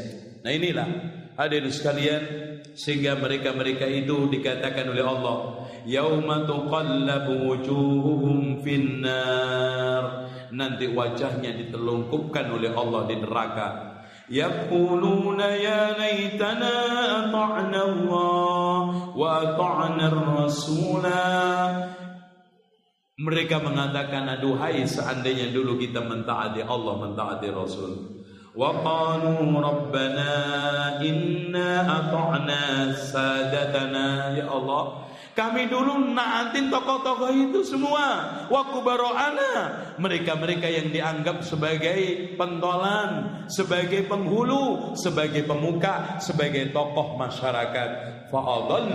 Sabila. Akhirnya mereka menyesatkan kita dari jalan yang lurus. Sebelum antum nyampe ke sini nanti, mendingan sekarang aja. Antum singkirkan.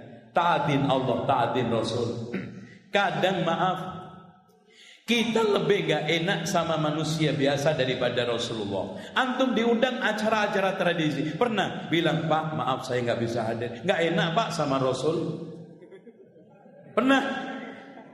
Gak enak Pak saya sama Rasulullah. Aneh nanti gak dibikin KTP di surga. Nah kita lebih gak enaknya sama manusia biasa. Padahal kata Allah, eh kata Rasulullah, man talaba ridallah bi sakhatin nas. Barang siapa yang mencari ridha Allah dengan dicelaknya orang dimusuhin orang radhiyallahu an wa ardan nas. Jika demikian, insya Allah antum tetap istiqomah. Antum tetap eksis walaupun tekanan kanan kiri terjadi. Antum hanya tinggal selangkah, Pak. Pak, kalau umur-umur antum 40 dikasih oleh Allah 55, kurang 15 tahun. Kalau saya sekarang umpamanya 47 dikasih oleh Allah 80 tahun, ya lumayan. Ya, itu. Itu. Loh, berumah mana saya? Terserah saya. Gitu. Jadi nggak panjang. Ya Allah, kita tinggal coba bayangkan katanya Abdullah ibnu Abi Aizar, wahai manusia, kamu memiliki dua hunian, satu di atas bumi, yang satunya di bawah bumi. Lalu ada orang yang datang berapa lama kamu tinggal yang di atas bumi sampai mati? Kalau antum sekarang umur 70, Masya Allah 60 Ya tadi pagi saya katakan tinggal dua kali pilkada Tiga kali pilkada Kalau sekarang ditanya Berapa lama kamu tinggal di bawah bumi sampai kiamat Seandainya, ini seandainya Pak, kiamat kurang 4 juta tahun, antum mati hari ini. Masya Allah, kuburan dong 4 juta. Nah, antum karena manusia yang hanya 15 tahun, rugi banget. Dia ngasih surga enggak, ngasih rezeki enggak, ngasih apa dia? Ngasih apa? Bahkan semua sumber kehidupan ini datang dari Allah. Afara'aitum أأنتم تخلقونه أم نحن الخالقون Mani yang mancar dari mana Allah Afara'aitum ma tahrusun Tumbuh-tumbuhan yang sekarang merekah Datang, datang dari Allah Afara'aitumul ma'alladhi tashrabun Apakah kalian tidak memperhatikan air yang kamu minum Dari Allah Manusia ngasih apa Pak? Bahkan Masya Allah Ketika ada orang yang minta nasihat kepada Ibrahim Adam Karena dia sudah tenggelam dalam berbagai macam kejahatan, dosa dan maksiat Supaya jerah apa nasihatnya? Wahai anak muda yang ganteng lagi cakap Kalau kamu ingin maksiat Jangan makan rezekinya Allah Gak bisa kalau kamu tidak bisa menghindar dari rezeki Allah dan menghindar maksiat juga tidak bisa. Kalau kamu ingin maksiat, jangan nginjek buminya Allah. Lebih berat dari yang pertama. Kalau juga tidak bisa yang pertama kedua, kalau kamu ingin maksiat, cari tempat yang tidak dilihat Allah. Di mana? Wa ma'akum aina ma kuntum. Ilmunya Allah, penglihatan Allah bersama kita. Kalau kamu nanti mati dalam keadaan berdosa, bilang sama malaikat, saya tidak mau mati dulu. Kalau kamu mati dalam keadaan sul khatimah, membawa berbagai macam dosa, nanti kamu akan diseret oleh malaikat Zabaniyah kan? Bilang sama malaikat, saya nggak mau masuk neraka, bisa? Semuanya milik Allah datang dari Allah. Inna lillahi wa inna ilaihi rajiun. Manusia nggak ngasih apa-apa, Pak. Nggak ngasih apa-apa. Bahkan nanti berlepas diri semuanya, semuanya seperti setan yang mengatakan ketika kepada manusia dunia kufurlah setelah dia nanti datang di akhirat ini bari minka saya berlepas diri dari kalian karena mengedepankan logika ini Pak. Di antara sekian penyebab orang menolak kebenaran atau tidak mendapatkan hidayah karena terlalu mengedepankan logika. Perlu diketahui Islam tidak sama sekali menafikan akal bahkan menghormatinya.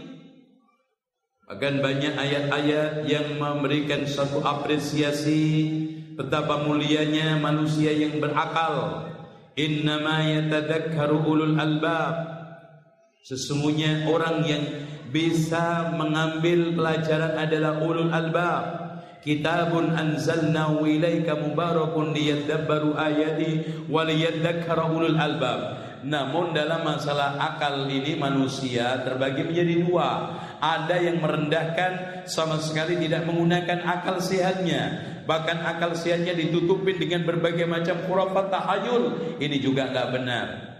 Bahkan dirinya diambakan kepada tempat keramatan, keris dan berbagai macam benda-benda betua. Ada orang yang menuhankan akal, tapi sikapnya ahli sunnah wal jamaah akal seperti mata buat cahaya. Akal buat wahyu seperti mata buat cahaya. Mata tidak akan bisa melihat kalau tidak ada cahaya. Mak begitu juga akal tidak akan berfungsi kalau tidak ada wahyu. Makanya akal ini hanya media, akal ini hanya alat untuk memahami kebenaran. Dengan demikian, akal itu ada dua, akal salafi, yang keduanya akal falsafi. Akal falsafi yaitu filosofi filsafat yang menuhankan, mengedepankan logika-logika yang konsekuensinya menolak kebenaran Al-Quran dan Sunnah. Tapi kalau akal salafi membimbing, mengarahkan, menundukkan semua akal kepada keinginan Allah dan keinginan Rasulullah SAW. Inilah yang akan mengiring manusia kepada kebenaran. Ada pun orang yang menuhankan akal. Coba Pak bayangkan di antara mereka ada yang mengingkari siksa kubur karena akalnya. Ada yang mengingkari syafaat karena akalnya Bahkan ada yang mengingkari neraka surga itu tidak abadi Karena akalnya karena akal. Jadi ada ayat kemudian diingkari. Ada yang mengingkari jin karena akalnya. Ada yang mengingkari kebenaran sunnah karena akalnya. Semuanya adalah akal berbahaya. Selanjutnya dari sekalian eh, tentang masalah itu kata Rasulullah SAW Setab tariku ummati ala bid'in wa sab'ina firqatan akan pecah umat ini menjadi 73 golongan. A'dhamuha fitnatan. Yang paling berat fitnahnya ada ummati terhadap umatku adalah qaumun. Qaum yaqisuna al-umur bi ra'yihim. Yang mengiaskan segala perkara-perkara agama dengan ra'yunya. Wa yuharrimuna al-halal. Mengharamkan yang halal. Wa yuhalliluna al-haram. Menghalalkan yang haram karena ra'yunya. Ini tentang masalah logika. Selanjutnya ketujuh terlena dengan kenikmatan dunia. Mau ngaji alasannya dunia. Kalau enggak anak. Innama amwalukum auladukum fitnah. Pak, tidaklah sekarang orang itu terganjal dengan kebenaran. Rata-rata ternyata karena anak sama karena harta. Makanya Rasulullah SAW mengatakan Al-waladu mabkhalatun majbanatun majhalatun mahzanatun Anak itu bikin pengecut orang tua, bikin bakhil orang tua, bikin bodoh orang tua, bikin susah orang tua. Makanya jangan bikin anak kita menjauhkan kita dari Allah, menjauhkan dari akhirat. Kemudian dunia kita. Kadang-kadang ada orang yang nggak mau ngaji takut nanti kalau tahu jadinya repot cari duit. Ada. Akhirnya mendingan nggak tahu, selamat. Loh, dari mana kesimpulan mendingan nggak tahu, nggak ngerti, nggak ngaji selamat daripada tahu jadinya repot. Apalagi cari yang haram aja susah, Mas. Wah, ini setan berkepala keriting. Setan berkepala keriting. Setan berkepala manusia, penggoda paling berat. Padahal Pak, saya tanya kepada antum semua, di dunia ini hewan banyakkan halal apa yang haram? Banyakkan yang halal. Dan subhanallah Pak, katanya Imam Ibnu Hazm ini termasuk keajaiban Allah. Segala sesuatu yang dibutuhkan oleh manusia banyak selalu dibikin oleh Allah gampang mereka berkembang biak. Lihat aja air, masya Allah. Yang pertama nomor satu adalah angin Karena dibutuhkan oleh manusia dalam setiap saat Makanya dibikin mudah sama sekali oleh Allah. Bahkan tidak pakai nyibuk. Nah, udah. Coba kalau air pakai nyibuk. Ini apa namanya angin. Nggak bisa main bola antum. Alhamdulillah. Dibikin mudah sama sekali. Antum sambil jalan, sambil tidur. Setelah itu air tapi oleh Allah dibikin karena kebutuhan manusia tidak setiap saat. Dibikin oleh Allah ambil nyibuk ambil nyibuk. Tapi kalau nggak dibutuhkan disimpan oleh Allah di dalam bumi. Indah masya Allah. Tapi subhanallah di mana pun bumi hatta yang namanya padang pasir pak masya Allah Allah bikin manusia itu mudah mendapatkan air yang katanya padang pasir Mekah tidak bisa tumbuh-tumbuhan apa pun. Ternyata mata air yang paling bagus paling cetek paling dangkal paling banyak menghasilkan mata air adalah zam-zam. Allah yang ketiganya adalah api karena bahaya dibikin oleh Allah mati hidup. Lihat aja Pak kalau antum logika. Ayam itu sehari disembelih orang berapa ribu Pak? Itu. Logikanya kan habis itu Oh sehari ini di Pekanbaru aja bisa 2000 5000 belum lagi di Jakarta. Warung semuanya ayam.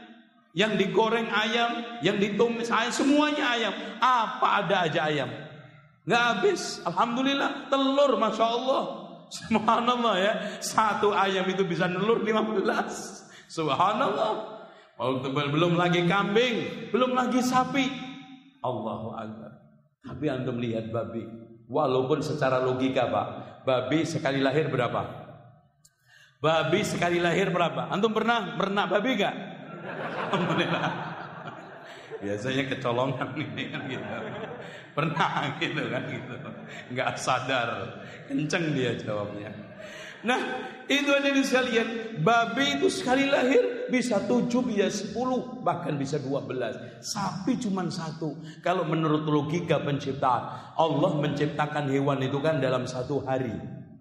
Babi tujuh satu, sepuluh satu, harusnya banyak man. Udah gitu disembelai terus lagi. Tapi alhamdulillah banyakkan sapi yang di mall, di supermarket, pakai hajatan, di warung-warung dan di semua tempat rumah makan sapi.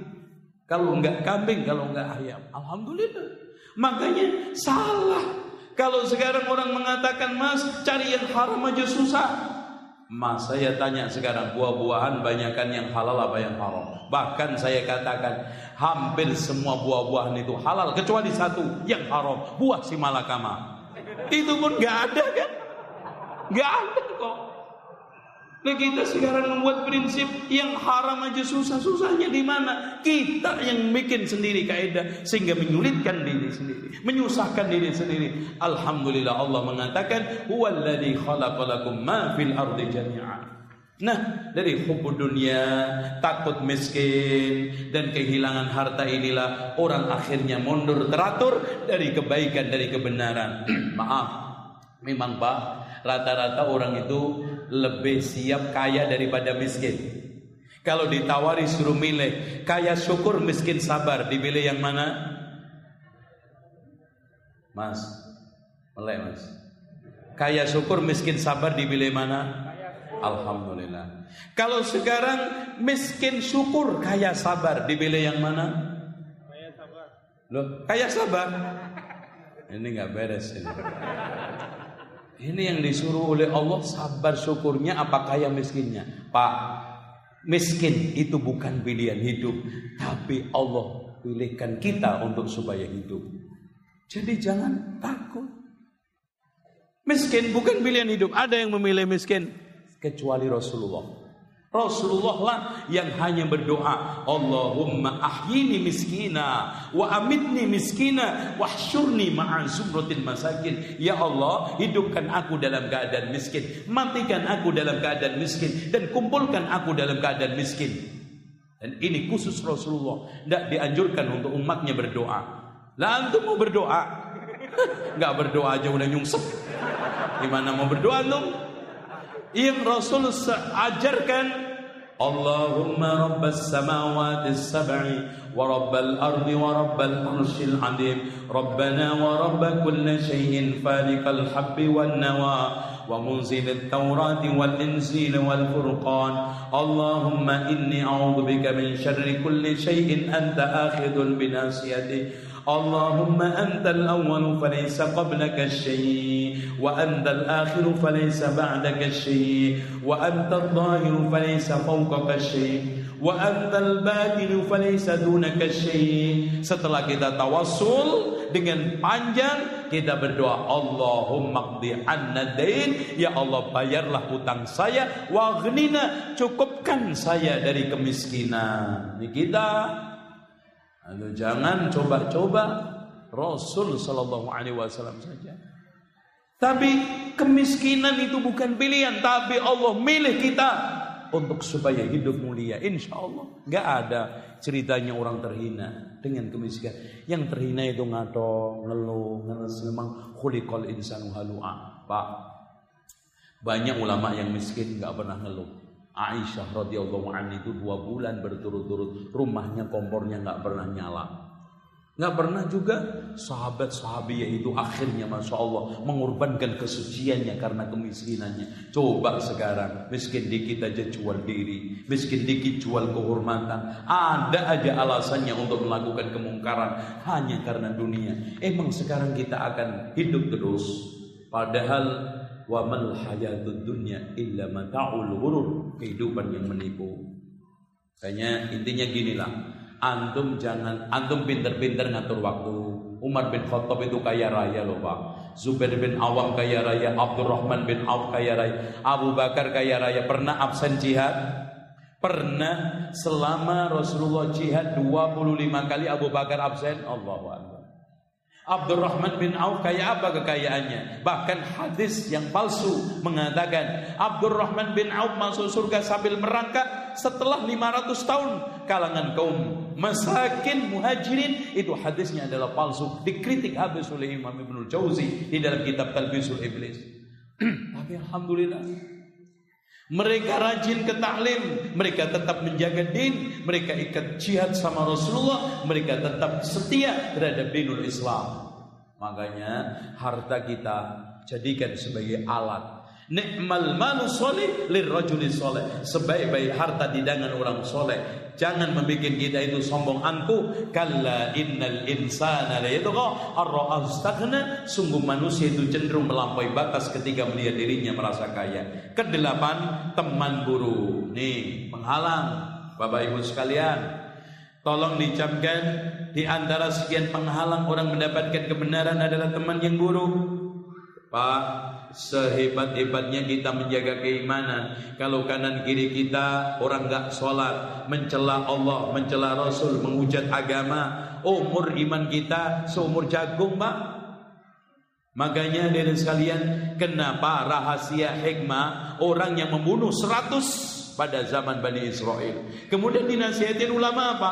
Pindahlah dari tempatmu yang buruk kepada tempat orang-orang yang beribadah kepada Allah. Karena teman itu mempengaruhi. Almar'u ala dini khalili. Orang itu tergantung agama temannya. Bahkan Rasulullah mengumpamakan teman yang baik seperti penjual minyak.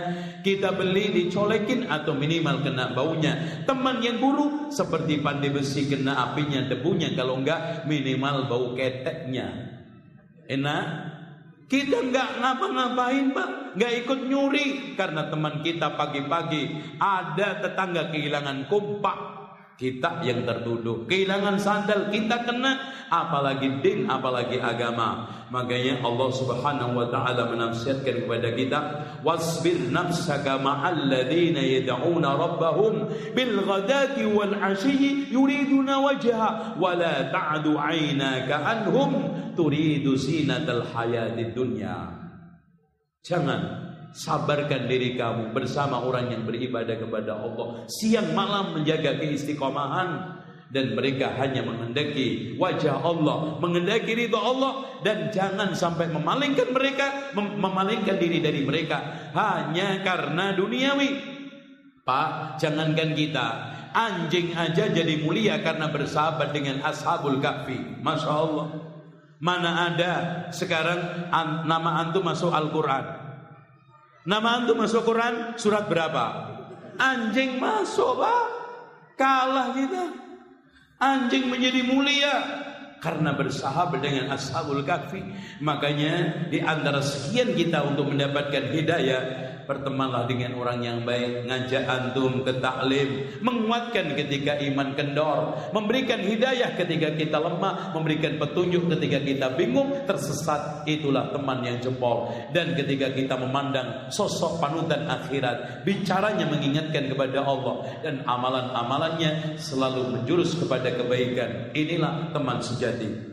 Selanjutnya, kesembilan mengambil hadis lemah dan palsu. Nah, ini ini juga biang. Hadirin sekalian, lihat bagaimana orang ingkar sunnah tidak mau sunnah, hanya sepele loh Pak. Ingkar sunnah tapi ambil sunnah yang palsu. Fama atakum min hadisi apa saja yang datang kepadamu dari hadisku faqra'u bacalah kitab Allah Al-Qur'an fa'tabiruhu ambillah peringatan fama wafaqa kitab Allah apa-apa yang sesuai dengan kitab Allah. Fa ana qultuhu sayalah bicara. Wa man lam yuwafiq kitab Allah apa saja yang tidak sesuai dengan kitab Allah. Falam aqulhu saya tidak berbicara. Diambil. Coba aja lihat Mas tidaklah ada orang tersesat.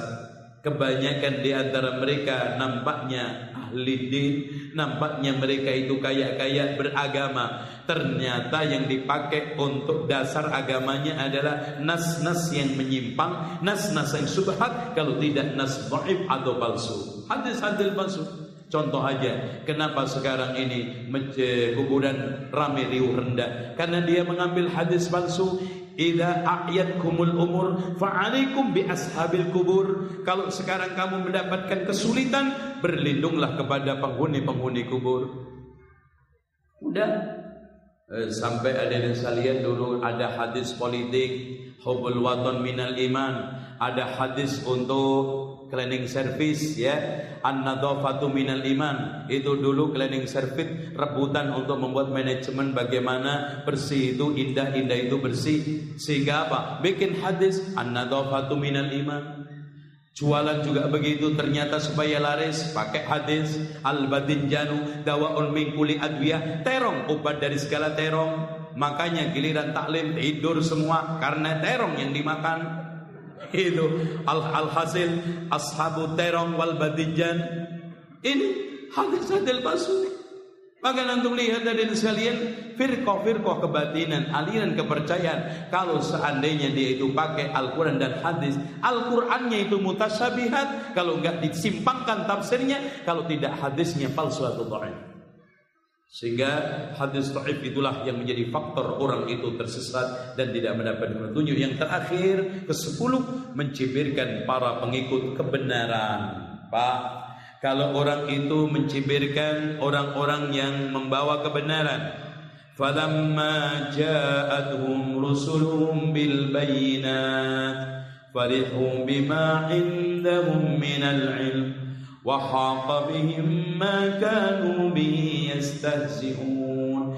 Bahkan setelah datang rasul-rasul membawa kebenaran Pak mereka bangga dengan ilmu yang mereka miliki bahkan menyombongkan. Akhirnya berhaklah dia mendapat kesesatan dan dia akhirnya mengolok-olok dan di dalam firman Allah Innal ajramu kanu minal amanu minal amanu yadhakun. Sesungguhnya orang-orang yang berotak kriminal berperilaku jahat terhadap orang mukmin suka mencibirkan. Yadhakun mengetawakan Kadang-kadang jenggotnya diketawakan. Di antara mereka mengatakan semakin panjang jenggotnya semakin nggak pinter.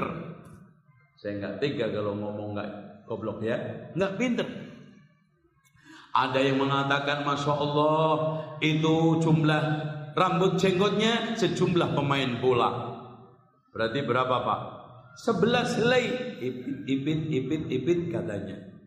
Ini Berbagai macam innal ladina ajramu kanu minal amanu yadhakun mengetawakan kita dari cara sholat kita diketawakan, cara beragama kita diketawakan, hidup kita di tengah kampung mereka ketawakan dan dijadikan bahan Allah-Allahan.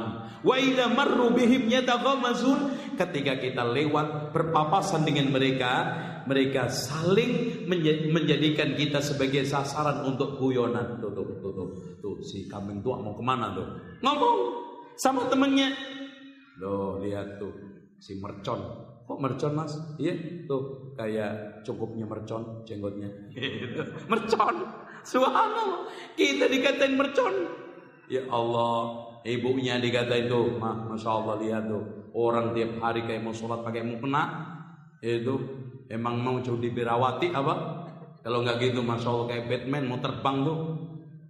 Apa aja dijadikan obrolan untuk meledek kita. Wa idza marru bihim yataghamazun. Wa idza qalabu ila ahlihim ketika mereka balik kepada keluarganya inqalabu fakihin menjadikan kita bahan guyonan. Cekakak cekiki suami istri anak membicarakan kita. Masya Allah, mas saya tadi itu ketemu di masjid. Khotibnya ya Allah, Masya Allah, kuat kayak banjir. Hmm, Masya Allah. Dilihat itu jenggotnya juga ya Allah, bentuknya nggak karu-karuan. Dijadikan bahan obrolan di rumahnya. Anaknya ngakak, istrinya cengar-cengir dan dirinya memberikan apresiasi apresiasi terus. Wa idan qalabu ila ahlihim qalabu faqihin wa idza ra'awhum. Ketika mereka melihat mereka maksudnya orang-orang mukmin kita qalu inna haula'i ladallun mereka itu sebetulnya orang-orang sesat Oh.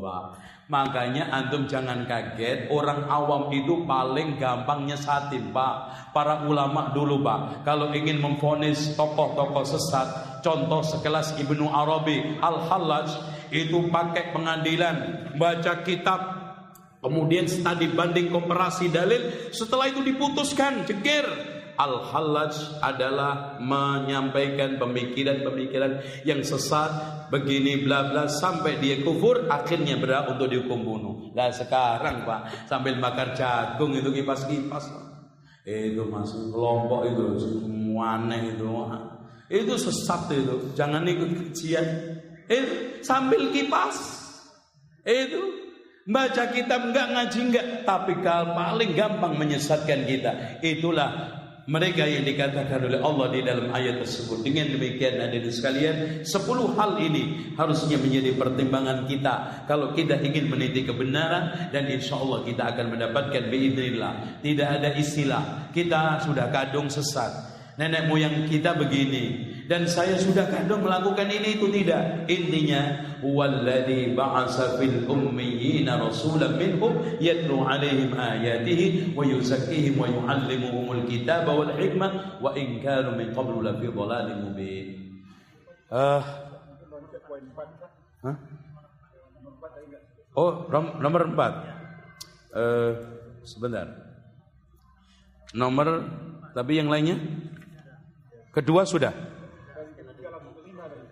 Oh, keempatnya sebentar, sebentar. Ya.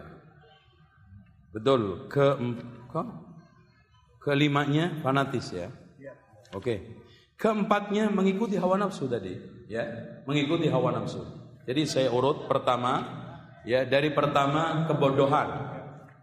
Kemudian yang kedua kesombongan. Ya sombong tadi belum kita bahas. Ya rata-rata orang itu menolak kebenaran karena sombong, apalagi merasa tokoh. Itu sulit pak. Ya It, saya itu sampai hari ini belum menemukan teman saya yang sudah di toko ikut saya.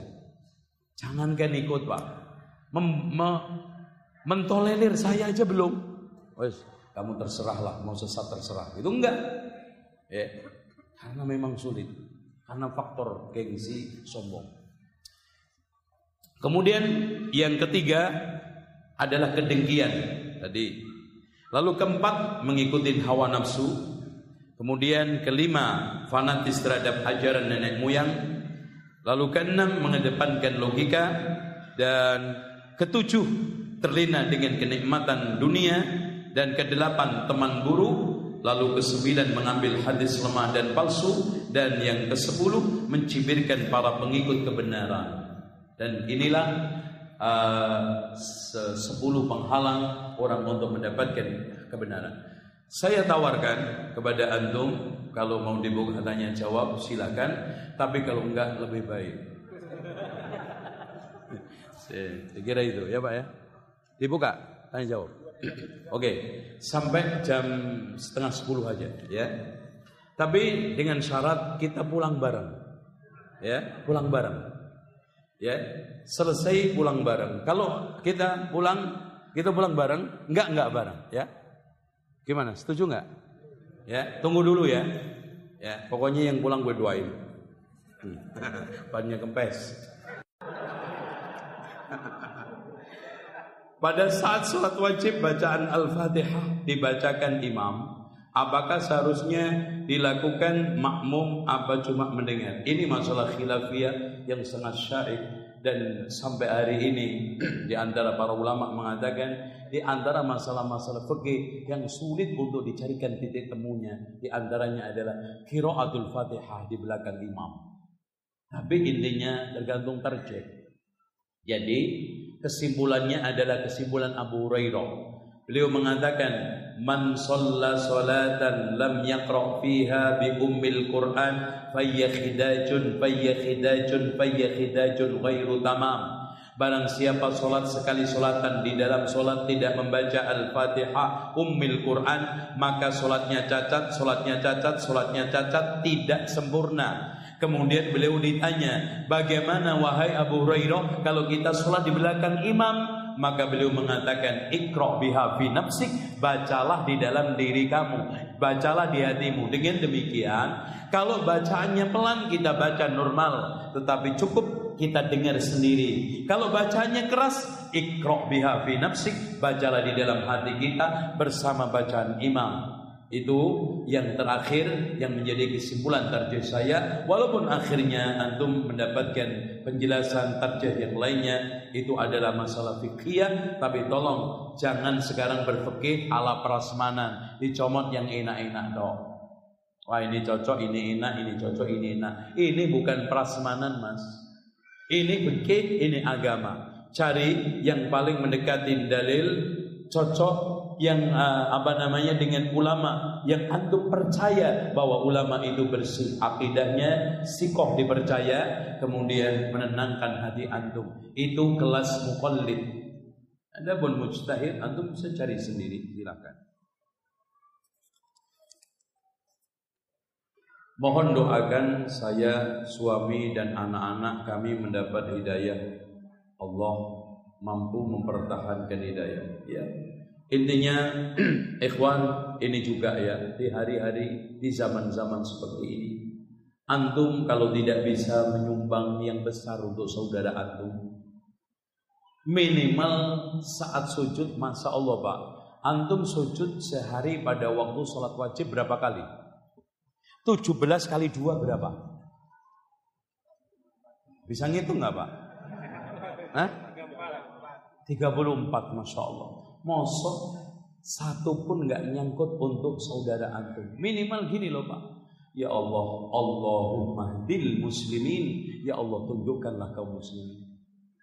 Rasulullah SAW mengatakan, Ma min muslimin. Eh, dakwatul muslim, maaf. Muslim li akhihi bi dhahril ghaib mustajabatun wa ala ra'si malakul muwakkal kullama da'a li akhihi bi khairin qala al amin wa laka bi misli masyaallah Kata Rasulullah, doanya mukmin muslim kepada saudaranya mustajab. Allah utus malaikat di atas kepalanya. Setiap dia berdoa kebaikan malaikat mengatakan amin kamu mendapatkan sepadan dengannya. Coba kalau yang antum doakan satu miliar.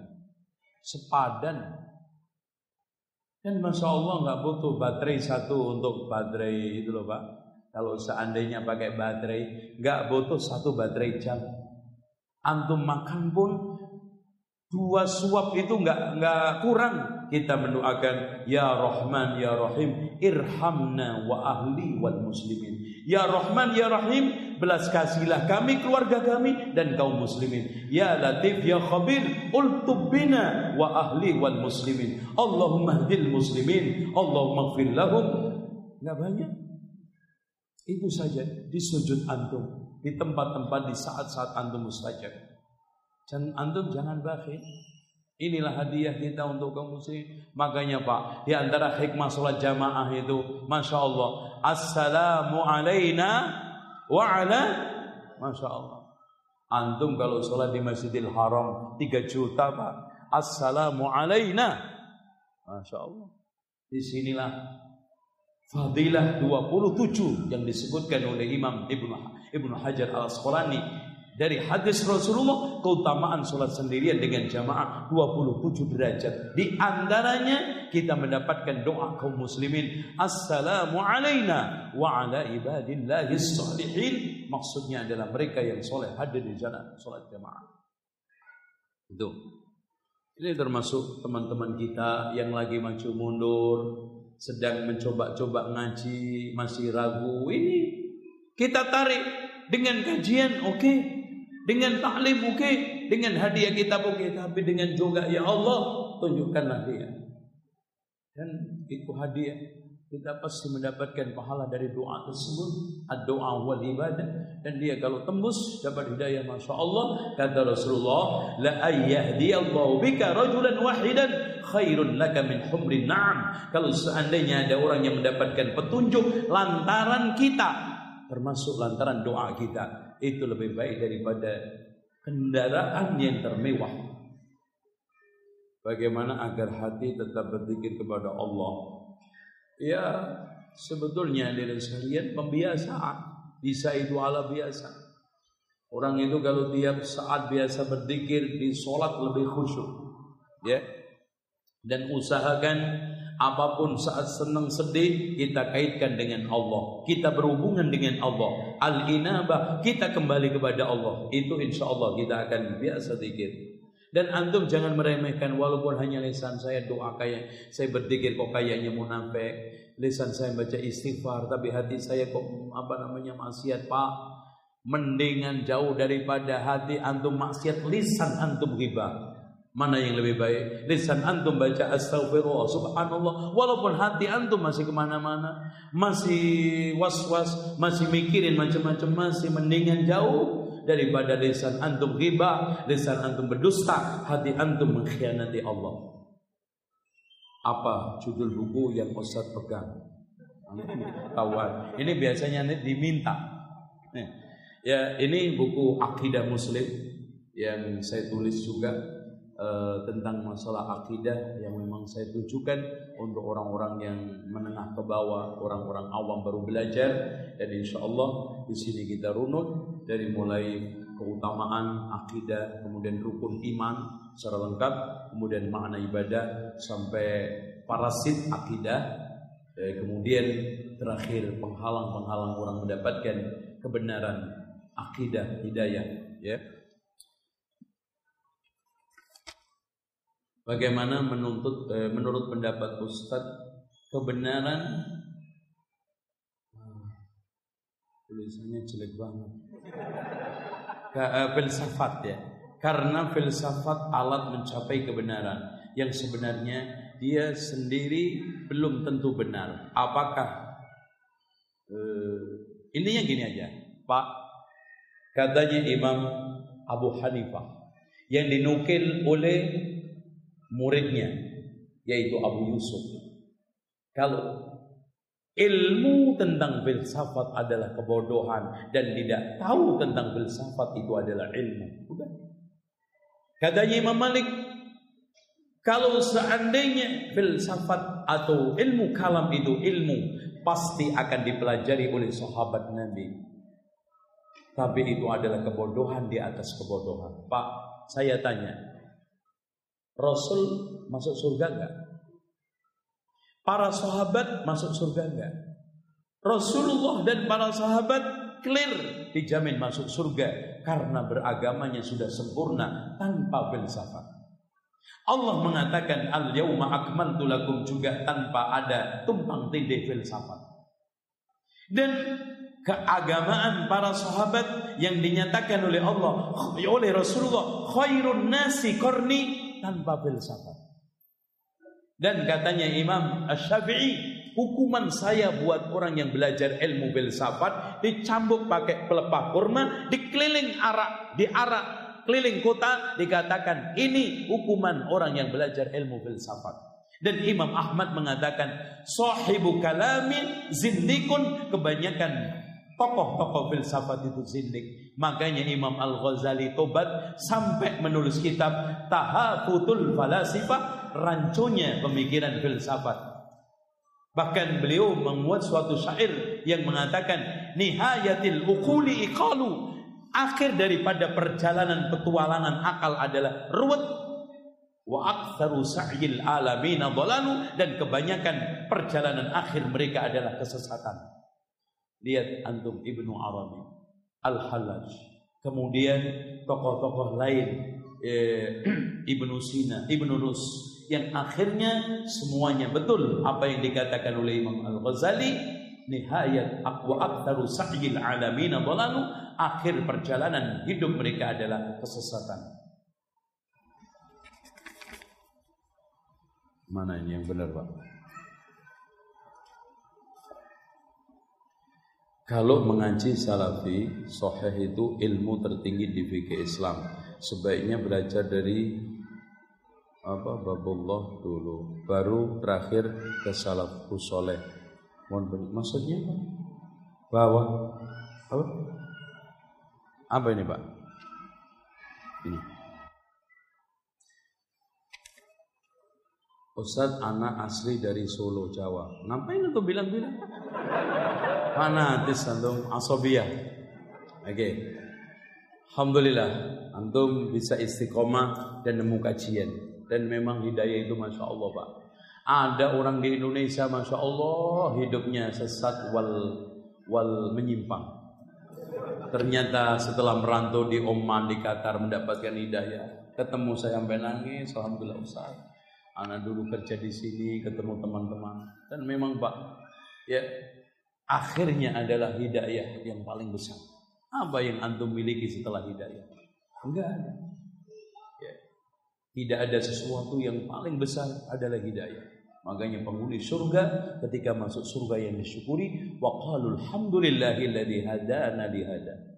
Ya, caranya antum berdoa sama Allah terus dibina pakai ilmu terus itu merawatnya. Dan Alhamdulillah anak dapat mengenal dan belajar sunnah. Yang ingin anak tanyakan di kampung anak mayoritas beragama Islam namun jauh dari sunnah. Ya sama. Enggak di kampung antum aja. Di kampung anak itu pak. Wah apalagi kalau di kampung saya itu Lamongan. Ibaratnya kata orang tapi ini jangan direkam ya. Itu kalau orang Lamongan nggak NU seperti ibarat orang cebok, orang ee nggak cebok. Itu ngomong nih. Kalau ada orang Lamongan nggak NO, itu ibarat ee nggak cebok. Kamu itu najis, gitu. nggak sah. Itu di mana pun. Makanya saya jelaskan kemarin, antum yang penting isi koma di mana pun bang. Itu hanya pindah tempat. Antum sekarang pindah komplek ini, imam tahlilannya di belakang rumah antum. Pindah lagi malah di depan antum. Cuman samping kanan kirinya bandar togel sama penari jaipong. Nanti pindah lagi, masya Allah penari jaipongnya di depan rumah kita. Ini muter itu aja. Nggak mungkin antum aman cuman satu tuh orang hutan. No enak aman, nggak tahlilan, nggak selamatan, udah enak, udah. Mereka juga nggak berjanjian, tenang banget di hutan tapi paling juga berisik, gitu aja pagi-pagi paling enggak nyolong sawit antum itu aja dosanya dia. Itu. Intinya antum harus istiqamah kata Rasulullah al mu'minul ladzi yukhalidun nas wa yasbir ala adahu khairun min alladzi la yukhalidun nas wa la yasbir ala adahu. Orang mukmin yang yang nyampur sama manusia sabar atas gangguannya itu lebih baik daripada enggak nyampur enggak sabar. Dan caranya antum pertama dalami ilmu dulu. Jangan keluar-keluar dulu sebelum antum punya bekal yang cukup. Mau perang senjatanya subhanallah, panahnya gampang bengkok. Pedangnya pakai apa? Plastik. Ya, baca orang yang mental. Kuatin pedang dulu dan perang di medan perang dengan saif wasinan pedang dan tombak untuk berlaga di dalam medan al-bayanu wal hujjah, penjelasan dan hujah kita. Ilmu kita kuatin. Kemudian setelah itu kita dakwai pelan-pelan kanan kiri kita, ya ayyuhalladzina amanu qu anfusakum wa ahlikum nara. Baru setelah itu kita terus mendakwai mereka. Aduh, ini panjang nih Pak, kayak surat cinta ini. Ini janjian curhat ini. Ustaz malam malam ini hari pertama saya ngajak suami ikut daurah. Alhamdulillah. Ini mudah-mudahan Allah memudahkan eh, kami untuk mendapatkan hidayah. Amin.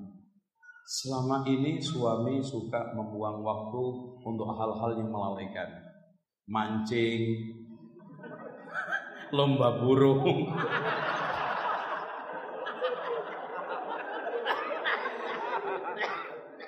Dengar musik, ngotak ngatik per apa? Apa? Per wah. Oh HP. Ya, alhamdulillah. Ini masih positif, Bu. Ya, daripada main janda. Saya tidak bisa menasihatin suami karena baru saja hmm, apa mula bicara suami nampak marah. Uh, as terkunci untuk bicara. Gini, ini gini. Ana udah tahu uh, maksudnya nih. Eh memang gini Pak, maaf di era modern Laki-laki itu banyak tersibukkan oleh dunia. Makanya kadang-kadang kajian itu lebih riuh rendah perempuan daripada laki, ibu-ibu daripada bapak-bapak. Kemudian kedua, karena kesibukan yang temperamental itu, makanya di akhir zaman itu laki-laki umurnya pendek. Cepat mati. Lu anak nggak nakut-nakuti, tapi ngomong apa adanya. Itu. Kenapa? Karena kecapean, karena diperas, tidak ada waktu untuk zikir, sholat, dan duduk di majelis. Makanya nanti di akhir zaman perempuan eh, 50 untuk ar-rajulul qayyim. Satu laki-laki baik. Hmm. Alhamdulillah.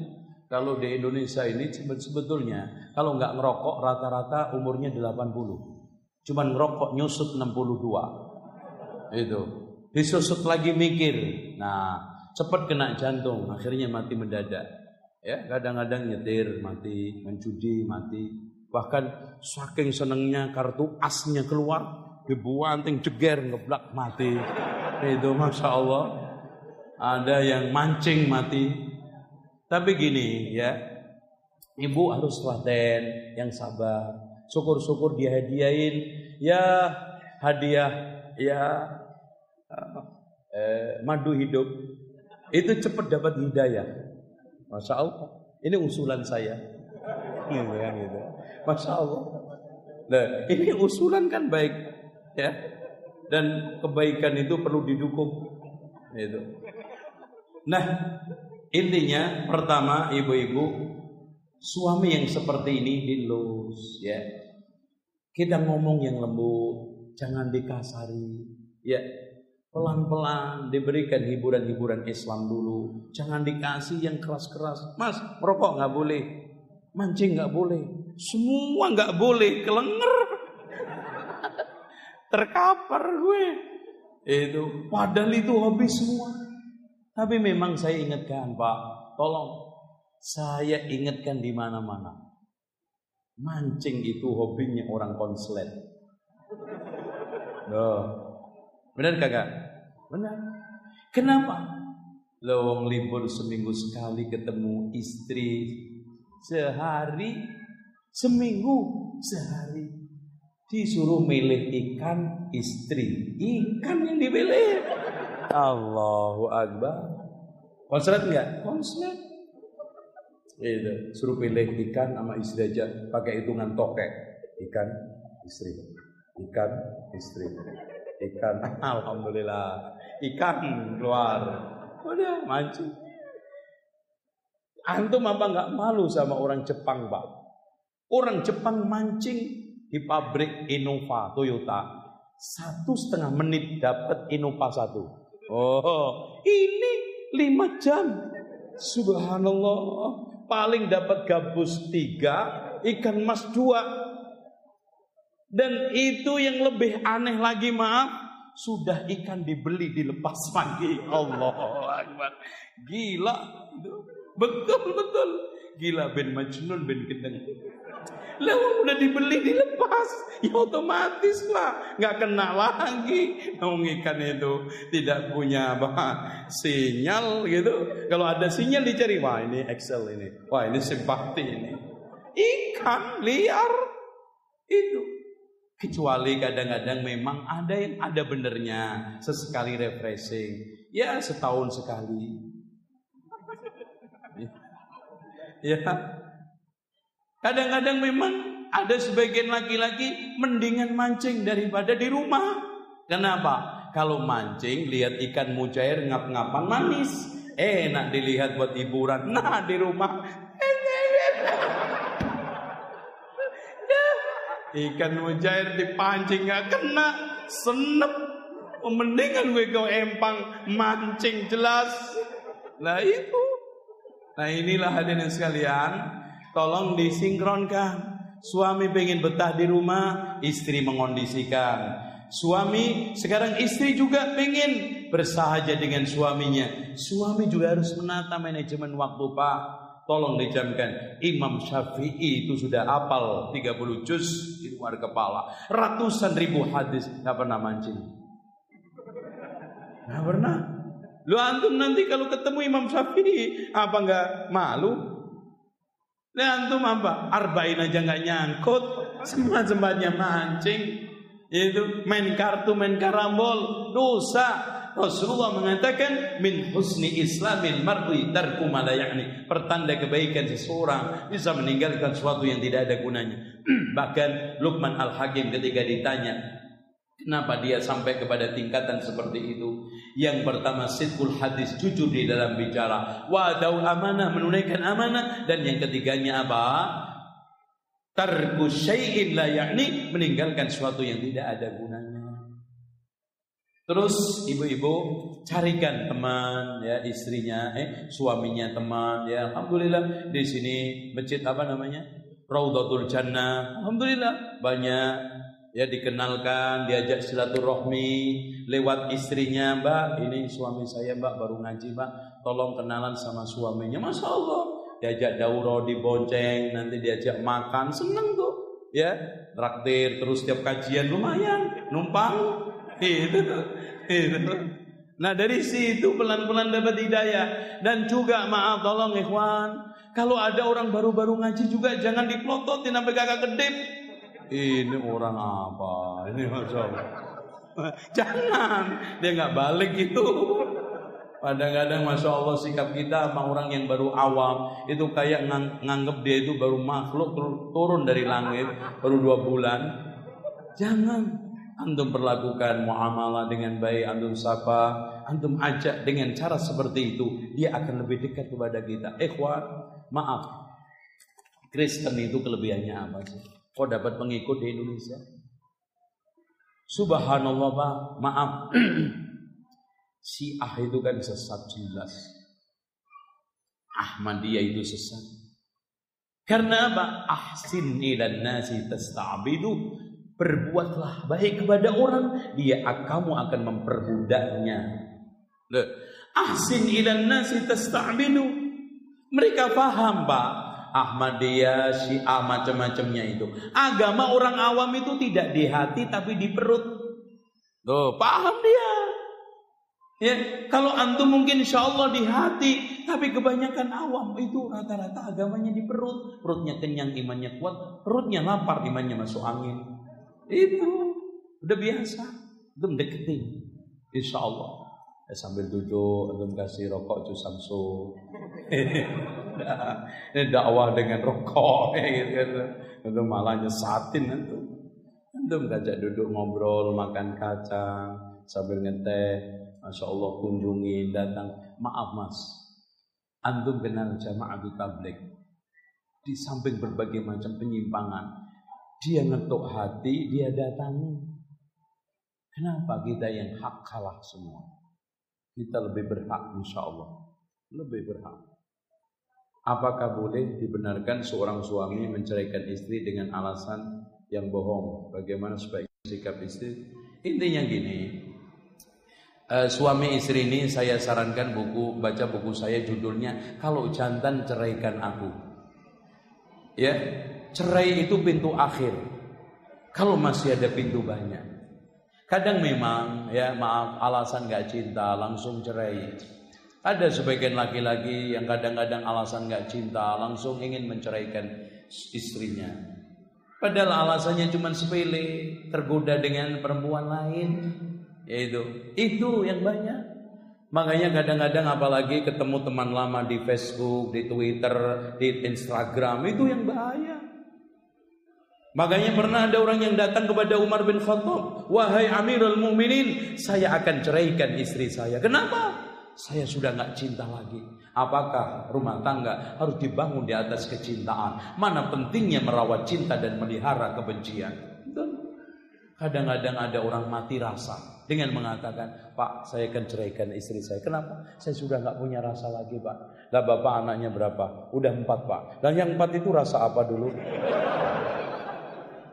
Kurang ajar. dan empat sudah nggak punya rasa. Empat dulu itu rasa apa? Itu. Dulu rasa durian, sekarang asem begitu.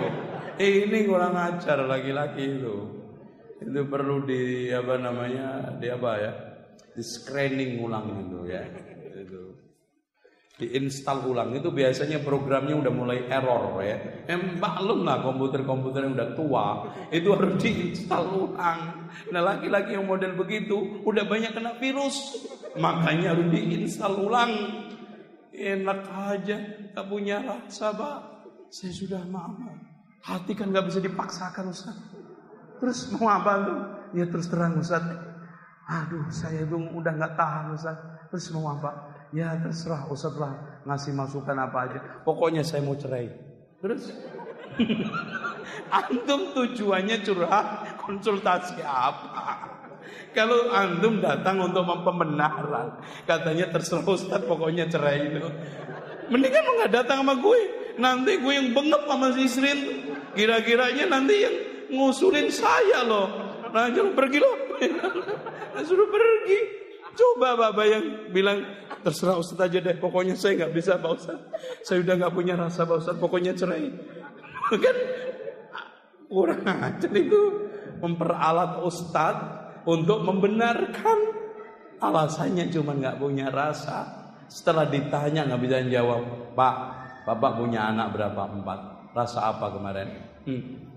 Habis nggak bisa ngomong. Intinya cinta dirawat, benci dikendalikan itu datang silih berganti. Biasa. Orang itu kalau sudah nikah umur 4 tahun, ya, itu biasanya umur-umur Romeo Juliet. Nah, 4 tahun ke atas, 7 8 tahun sudah mulai umur ruwet, banyak problem. Kemudian 8 sampai 15 sudah mulai mapan, kalau enggak cerai. Rata-rata 10 sampai 15 itu 9 15. Kalau terus Masya Allah ngelompat di atas angka 15 insya Allah. Sakinah mawaddah warohmah samara. Kalau enggak ya udah putus. Intinya suami istri harus merawat demikian hadirin sekalian saya kira waktu sudah malam sekali. Dan saya juga udah capek. Bahkan antum juga mungkin ada yang sudah lapar dan saya mohon maaf atas kekurangannya dan juga hal-hal yang menyinggung dan beberapa hal yang mungkin agak menukik karena terlalu dalam sehingga ada yang kaget-kaget sampai ada yang terkencing-kencing nggak balik. Nah, mohon maaf saya ya. Kita akhiri subhanakallahumma wa bihamdika asyhadu an la ilaha illa anta astaghfiruka wa atubu ilaik. Wassalamualaikum warahmatullahi wabarakatuh.